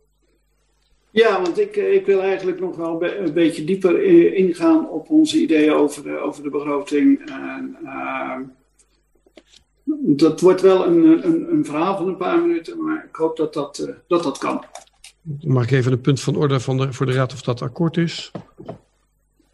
Ik zie geen bezwaar. Meneer Verstegen, gaat u vergaan? Okay. Um, vorig jaar heeft de oppositie meegedacht over hoe de begroting er ook uit zou kunnen zien. Dat resulteerde in 17 moties en amendementen, welke allemaal stuk voor stuk tezijde zijn geschoven door de, door de collegepartijen. Toch zal POS ook dit jaar een poging wagen. Zoals in de algemene beschouwing al aangegeven is, is Post niet tevreden met de door het college geopperde heroverwegingen. Wij hebben dan ook met verbazing geluisterd naar diverse raadsleden die spraken over voorgestelde en evenwichtige bezuinigingen. De heroverwegingen van 1,3 miljoen bestaan voor 1,2 miljoen uit een vrijvalreserve gemeentehuis, het gebruik van stelposten, een opschalingskorting, algemene uitkering en een verhoging van de bouwleges. Waar zijn nu dan echt de bezuinigingen te zien? Wij vinden dat er wel dat er daadwerkelijk bezuinigd moet worden, in plaats van alleen potjes leeghalen en lastenverhogingen door te voeren. Dat betekent namelijk het doorschuiven van de problemen en niet het oplossen van de problemen. Meneer de Snijden voorzitter, in je eigen vlees is moeilijk. mag ik zo vrij zijn om te interpreteren of is dat niet de bedoeling? Eh, van mij mag dat, het is uiteindelijk de begrotingsraad. Dus eh, Ja, Eh, meneer Verstegen, volgens mij gaan wij eh, eh, bezuinigen op het sociaal domein. En gaan we ook nog investeren in het sociaal domein. Vindt u dat niet vermeldenswaardig? Eh, ik, u, u zegt, we- we gaan bezuinigen op het sociaal domein. Als ik naar de begroting kijk, dan zie ik daar een bedrag van 30.000 euro eh, staan. Oplopend naar 300.000. Terwijl het sociaal domein meer dan 52 eh, miljoen aan, eh, aan kosten eh, heeft. Dus eh, vandaar dat ik zeg van nou, ik vind dat niet een, eh, een echte bezuiniging.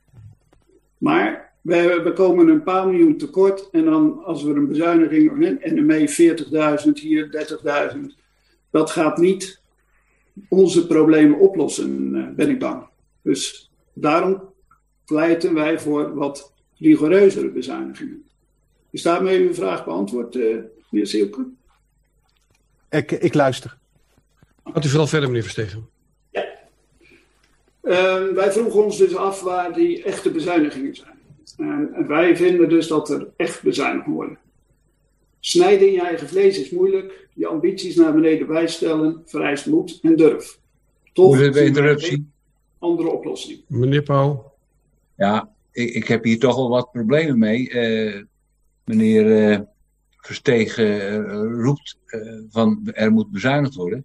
Maar geef dan eens een keer concrete dingen aan waarop u wil bezuinigen. Dat wil, daar ben ik benieuwd naar. Nou, meneer, meneer Pauw, u wordt op uw wenken bediend als u nog twee minuten geduld heeft. Gaat u verder, meneer Verstegen. Helaas zit ons begrotingsproces zo in elkaar dat er vrijwel geen ruimte is voor een goede discussie en het verder uitdiepen van mogelijkheden om tot een breed gedragen begroting te komen. Volgende week moet namelijk al een besluit genomen worden. En in één week tijd kan er, niet, kan er alleen maar iets in de marge besproken, uitgezocht en aangepast worden. Zo opperde de wethouder zelf een maand geleden om eens te kijken naar welke prijzen we de gemeentelijke voorzieningen overeind willen houden. Een hoopvolle opening vonden wij. Echter, daar is nog geen vervolg aan gegeven. We zijn wel blij met de uitspraak die de wethouder juist heeft gedaan, dat hier wel zorgvuldig naar gekeken gaat worden. En dat dit voor discussie aan de Raad wordt voortgelegd. Zoals al eerder gezegd, zien wij mogelijkheden om te bezuinigen. Genoeg om de voorgenomen bezuiniging op NME niet door te laten gaan. Wij beseffen ons terdege dat al deze suggesties voor- en nadeel hebben, welke zorgvuldig afgewogen moeten worden. Net zoals bij het vraagstuk van de voorzieningen. Bij sommige suggesties zal wellicht na onderzoek blijken dat de besparing minder is dan op eerste gezicht lijkt. Vereist dan ook verder onderzoek, waarin deze cyclus helaas de tijd voor ontbreekt. We willen dan ook graag een amendement indienen dat, los van het al dan niet goedkeuren van deze begroting, de komende maanden naar de door ons gedane suggesties, maar hopelijk ook aangevuld met andere suggesties van andere partijen, onderzoek gedaan wordt, zodat er alsnog gedegen besloten kan worden om te bezuinigen. Vos heeft een lijst met 13 suggesties om te besparen. Ik zal ze u niet allemaal voorlezen, tenzij u dat graag wilt. Anders beperk ik me tot de volgende. Voorlopig geen of goedkopere herinrichting fietspaden op de Veldmaarschalk Montgomeryweg. Daar staat nu een budget van meer dan 1,2 miljoen euro voor. Geen of latere doorontwikkeling van de organisatie. 265.000 euro. Minder onderzoeken door externen, zoals bijvoorbeeld de benchmark van Berenschot. Het verlagen van de bijna 200.000 subsidie aan het innovatiefonds. Geen uitbreiding voor bedrijventerreinen, gezien de wijzigende manier van werken, ingezet door corona. Dit zijn maar een paar van de, van de voorbeelden. Wij zullen per mail de andere de suggesties aan alle raadsleden toesturen vanavond.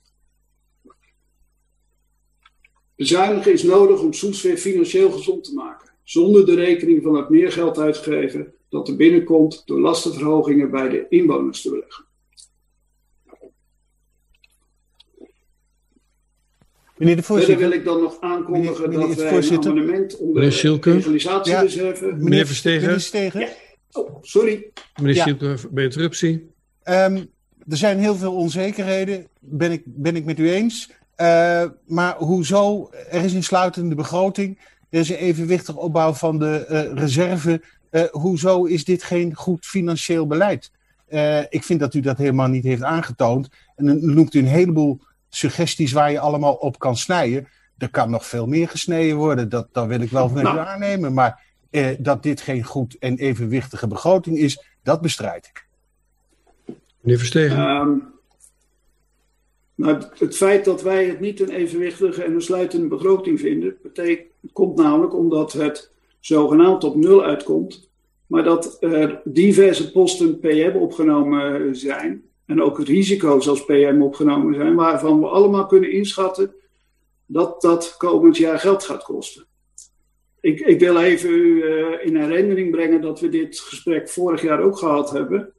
Toen waren er ook allerlei ombuigingen en zouden we een sluitende begroting eh, gaan krijgen. En we weten allemaal dat dat dit jaar ook niet gaat lukken. Dus ik heb er niet zoveel vertrouwen in dat dat dit jaar wel gaat lukken. Gaat u verder met uw betoog? Nou, ik wilde nog even aankondigen dat eh, we hebben nog geen antwoord gekregen van mevrouw Koenies over de eh, egalisatiereserve afvalstoffenheffing. Maar wij zullen daar een amendement voor indienen om deze te gebruiken om de lastenstijging te verlagen. En ik heb nog een vraag voor eh, meneer Pauw, want die vroeg ons te erkennen dat Ehm, dat als eh, u vorig jaar naar ons geluisterd had, dat we dan verder van huis zouden zijn. En ik neem aan dat de heer Pauw daar niet POS mee bedoeld heeft, want ik kan u verzekeren dat als u naar POS had geluisterd, we dan veel dichter bij huis zouden zijn. Maar ik neem aan, meneer Pauw, dat u ons daar niet mee bedoelde. Hoeft u niet te beantwoorden, meneer Pauw. We zijn er allemaal bij geweest vorig jaar, zou ik haast zeggen. Dat was het, meneer Verstegen. Ja, dat was het. Want dan kijk ik of verder nog of er iemand voor de tweede termijn vanuit de raad het woord wenst. Zo niet, dan ga ik. Meneer Lucas. Ja, meneer Lucas, die hadden we toch ook al gehad. Maar... Ja, ik denk dat ik beter kan wachten, want u bedoelt vast naar een derde termijn. Dat is ook prima. Nee, ik was eigenlijk helemaal niet op weg naar een derde termijn hoor. Ik was eigenlijk naar de beantwoording voor de tweede termijn. En dan dacht ik te kunnen aankondigen dat het volgende week verder gaat. Maar als u behoefte heeft om een soort uitgebreide interruptie eh, de uitdagingen op te pakken die er gepresenteerd zijn, dan vind ik dat prima. Meneer Lucas. Eh, dan wil ik toch degene die vorig jaar de motie hebben, of de, de, motie hebben ingediend om het onderzoek af te wachten van NME, eh, die zou ik toch wel in overweging willen laten nemen dat nu eh, de wethouder heeft aangegeven dat het bedrag een stuk lager is, bijna met de helft verminderd, dat het eigenlijk om een ontzettend klein gedeelte van de totale begroting gaat van 128 miljoen euro.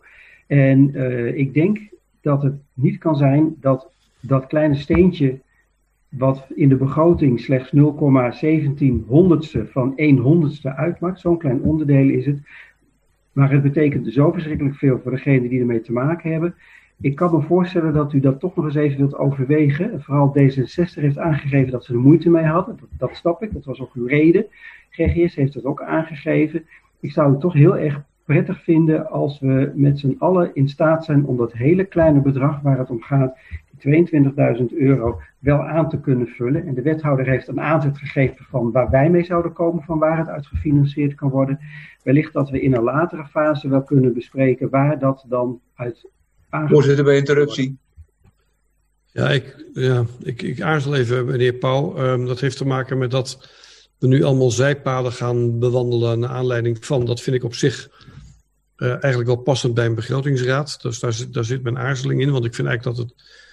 Maar u gaat het hier met elkaar volgende week vast ook nog over hebben. Want ik, ik kan bijna voorzien dat, u, dat er, eh, eh, dat er amendementen komen op dit onderwerp. En, en er is voorzien, even voor de, voor de kijkers, dat u volgende week ook nog gaat kijken met elkaar. eh, of er zeg maar, overlappen zijn in moties en amendementen. En dan treft u elkaar ook weer. Dus ik denk dat we, als we het debat niet twee keer willen doen, dat zou ik eigenlijk wel een beetje jammer vinden.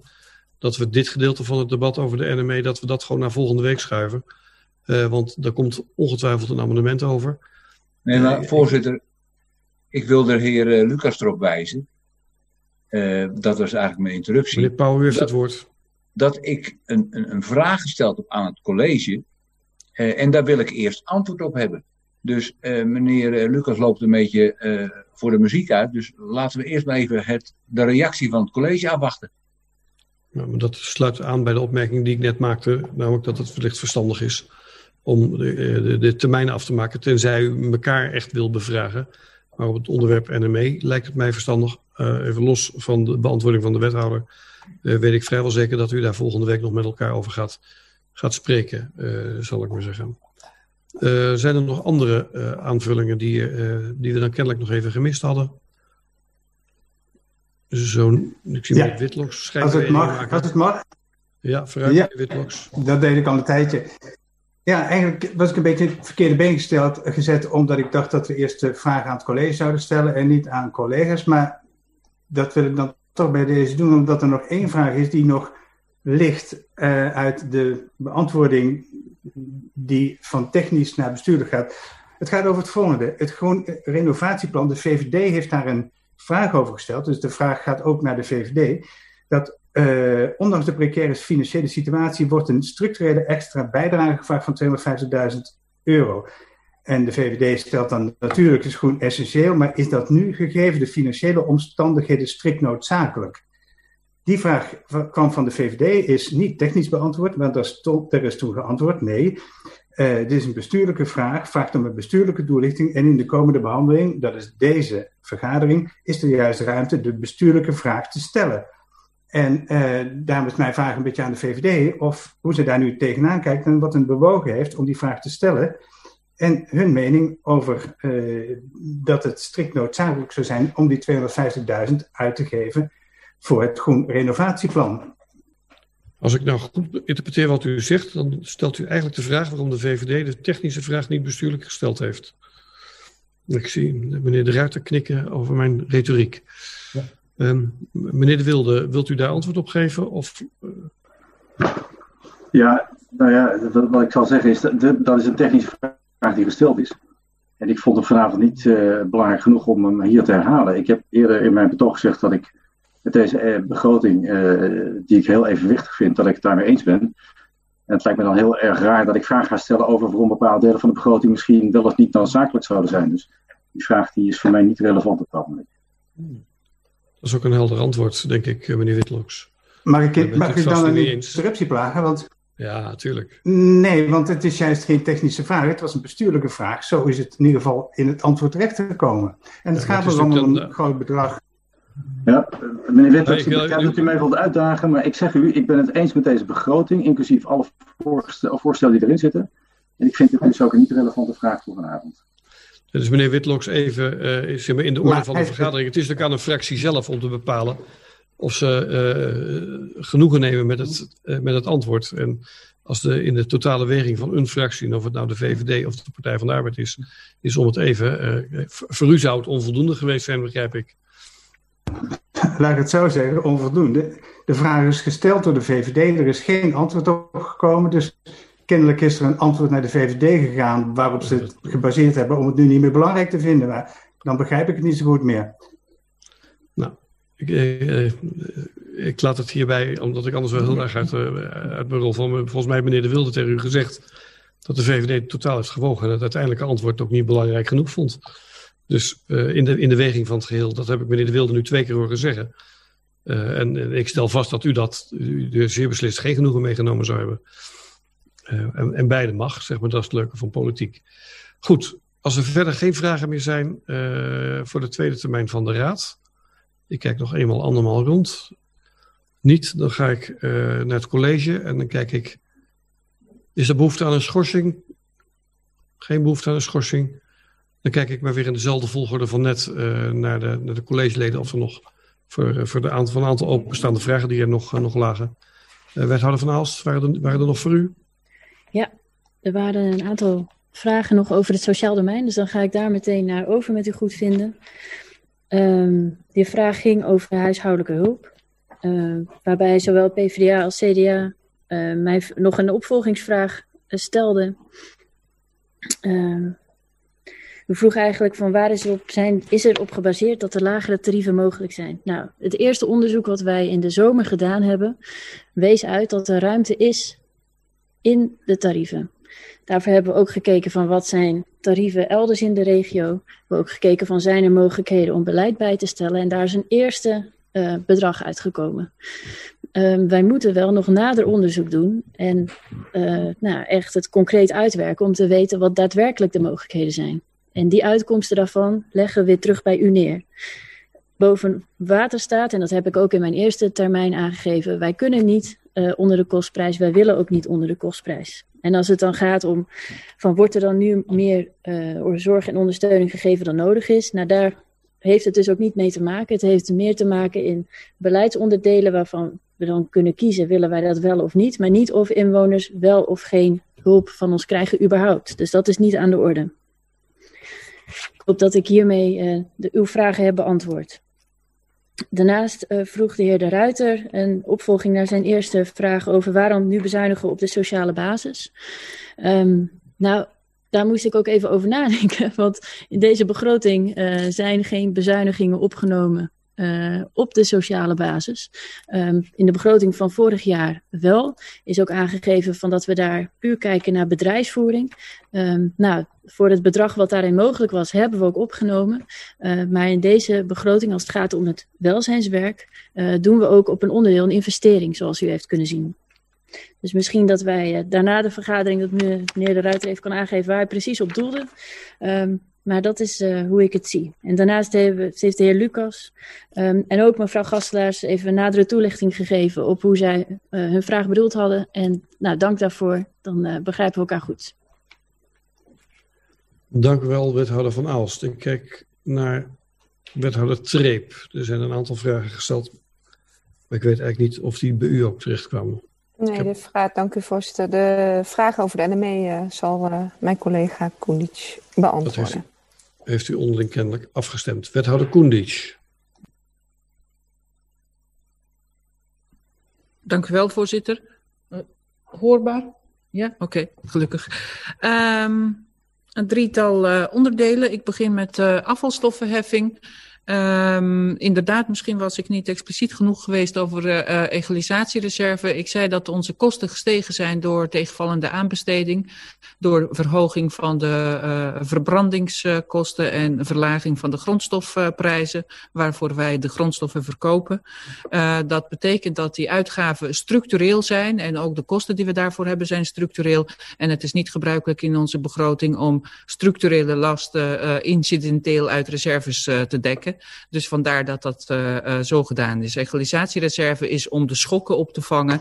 En dit is niet een eenmalige schok, uh, maar dit is iets wat doorloopt in de komende jaren. Um, en DSN vroeg om uh, focus op uh, preventie, zo heb ik het even samengevat. Uh, zoals u weet zijn we ook met elkaar in gesprek over de nieuwe grondstoffenaanpak. binnenkort komt die ook bij u in de raad. Um, en we hebben ook vorige keer in de pijlsessies met elkaar gesproken over die focus op circulaire economie. En toen heb ik ook verteld, en dat zal ook in dat aanpak komen, dat het heel erg lastig is voor de gemeente om daar grip op te krijgen. Als het gaat over de lokale productie en bedrijven verantwoordelijk maken. Dat ligt inderdaad ook meer in de lijn van Den Haag en de regio. En dat zijn ook de plekken waarin we dat, daar aandacht uh, uh, voor zullen vragen. En daar waar we het kunnen, bijvoorbeeld met een oprichting van een uh, uh, circulair ambachtcentrum of iets dergelijks binnen onze gemeente met partijen die bij ons actief zijn, dat gaan we ook zeker doen. Maar dat gaat um, in eerste instantie wel iets opleveren natuurlijk, maar dat gaat geen grote financiële wijzigingen uh, uh, betekenen in eerste instantie. Ik hoop op, termijn wel, uiteraard. Uh, GroenLinks vroeg hoe gaan we de ambitie voor energietransitie wel halen, want die is al opgerekt inderdaad tot de landelijke doelstellingen. Um, misschien was ik daar ook niet expliciet uh, genoeg in. Uh, ik zei dat de bezuinigingen die hier voorgesteld worden, en eigenlijk misten we ook al een deel van het budget die we nodig hadden die, die, voor het programma wat we ook eerder vermeld hadden. Um, eh, voor een deel hebben we bepaalde uitgaven in 2020 uh, niet gedaan, ook omdat het programma wat later is ingegaan. Dat geld schuiven we in de najaarsnota door naar volgend jaar, waardoor we het volgend jaar kunnen gebruiken. Um, voor een deel is bijvoorbeeld verplaatsing van wijkuitvoeringsplan um, van 2020 naar 2024. dus die komt wel alleen iets later. Um, en nou ja, voor structurele capaciteit die we hebben binnen, die we niet beschikbaar hebben in de organisatie om energietransitie te ondersteunen, dat blijft echt een knelpunt. En dat knelpunt ervaren we ook op meerdere terreinen, niet alleen hier, maar ook uh, binnen alle grote uh, projecten. maar die kunnen we helaas op dit moment nog niet met elkaar oplossen en ik hoop in de toekomst wel. Um, wat dat betekent voor de tempo van energietransitie op lange termijn dat kan ik nog niet uh, inschatten. En ik, ik, ik heb er nog steeds wel uh, goed vertrouwen in dat we onze doelen gaan halen. Maar dat dat lastig is, dat is evident. En tenslotte, nou, misschien heb ik zelf wat uh, verwarring gezaaid met mijn opmerking over NME. Ehm, de bezuiniging op NME is gewoon 40.000 euro, zoals die vorig jaar ook ingeboekt is. Die was vorig jaar al en die wordt dit jaar doorgezet. Um, ik heb alleen gezegd dat we in het programma Energietransitie een budget van 18.000 euro hebben voor educatie rondom energie. Uh, die 18.000 euro wordt ingezet bij Balans dit jaar om uh, een lespakket te ontwikkelen op het gebied van duurzaamheid en met name op het gebied van energie. Dat, dat zou dus normaal gesproken toegevoegd worden aan budgetten van NME. Uh, en dat is nu ook, waardoor per saldo uh, uh, verschil 22.000 euro is. Maar de bezuiniging strikt op NME zoals die was, is inderdaad 40.000 euro. Ik, ik dacht, ik, ik vertel even over die techniek, zodat iedereen duidelijk heeft wat dat nou precies is. um, en ik hoop dat dat tot een goede discussie bij u inderdaad zal leiden over die nou ja, resterende 2020, 22.000 euro. Ik hoop uh, dat ik daarmee uh, voldoende toelichting heb gegeven, voorzitter. Dank u wel. Dank u wel, wethouder Koendic. Kijk naar wethouder Dijkhuizen. Nee, volgens Niets? mij wel. Nee, dacht ik eigenlijk ook. Nee. Dan denk ik dat we hier het overgrote gedeelte van de vragen wel beantwoord hebben gekregen. Ik zie meneer Pauw nog een schijnbeweging maken. Dat is niet een verzoek om koffie. Uh, meneer Pauw, namens GGS. De tijd, de tijd voor koffie is al verstreken. Uh, uh, het is nog te vroeg voor de borrel, wil u zeggen. Ja, ja nou laten we daar maar niet mee beginnen. Maar laten we zeggen, ik, ben, ik zit toch nog te hunkeren naar het antwoord op onze vraag. Waarbij wij vragen aan het college om, zeg maar, met balans en de scholen gezamenlijk nog eens kijken naar het NME-pakket of ze daar wat aan gaan doen. Ja, uw hunkering is overgekomen. Inmiddels zie ik aan de non-verbale communicatie van wethouder Koendic. En die gaat uw hunkering nu uh, beantwoorden. Uh, dat hoop ik dan, uh, voorzitter. Uh, misschien is dat zo vanzelfsprekend in mijn hoofd dat, dat ik dat niet vermeld heb. maar uiteraard gaan wij in gesprek met Balans en de scholen over hoe de invulling van deze bezuiniging vormgegeven moet worden en wat dat in werkelijkheid betekent. En als we daarmee nog steeds goede lespakketten kunnen blijven aanbieden, dat doen we natuurlijk graag. Maar zoals ik ook in mijn eerdere bijdrage heb gezegd, je kan niet met helft van het geld hetzelfde blijven doen. Dus daar zal uh, echt wel iets in uh, wijzigen. Maar ik ben ervan overtuigd dat zowel scholen als het balans uh, hun best zullen blijven doen om goede educatie, goede natuur- en milieueducatie aan onze kinderen te blijven aanbieden. Ik zie dat meneer Pauw nu tevreden is, tenminste zo interpreteer ik zijn, zijn glimlach nu. goed, dan, uh, dan rest mij niks anders dan om dit deel van de opinierende raad uh, af te ronden onder verwijzing dat dit volgende week wordt vervolgd. Dat fracties volgende week gaan kijken om, om overlappen uit moties en amendementen weg te nemen en dat die dan vervolgens vanzelf weer aangeboden worden en dan volgende week in de bespreking over de besluitvorming aan de orde zijn. We hebben er een aantal aangekondigd gekregen, Het kan altijd nog zijn dat er een paar later worden toegevoegd, maar dat, dat zien we dan. En wordt vervolgd uh, in deze uh, digitale raad, waarbij ik toch moet zeggen dat voor de begrotingsbehandeling het digitaal vergaderen en met name het debatteren echt een beperking is gebleken. Ik kan het niet anders maken. Het is nu eenmaal zoals het is en dat spijt mij zeer, maar het kan niet anders. Dan hebben wij toch nog een tweetal andere agendapunten op deze vergadering. Uh, dat is, en ik weet niet of daar mensen het woord over wensen, maar ik stel aan de orde agenda punt 4, de nota lokale heffingen. Wenst iemand daarover het woord? Nee, dan komt hij volgende week terug. En dan het uh, conform reglement van orde heeft het college iets voor geheimhouding aangeboden. Onder 4a, de bekrachting van de geheimhouding van een juridische toets. Wenst iemand daarover het woord? Ook niet, dan komt hij ook volgende week voor de besluitvorming terug. Dan rest mij niks anders dan deze vergadering af te ronden onder dankzegging ook van uw bereidwilligheid om op deze manier mee te werken, het zo duidelijk en zo goed mogelijk te doen. Ik hoop dat de traplift van de heer Baks inmiddels gerepareerd is. Ja, dus dan kunnen wij ons ook geruststellen over zijn nachtrust en dat is belangrijk. Ik wens iedereen veel gezondheid en tot volgende week.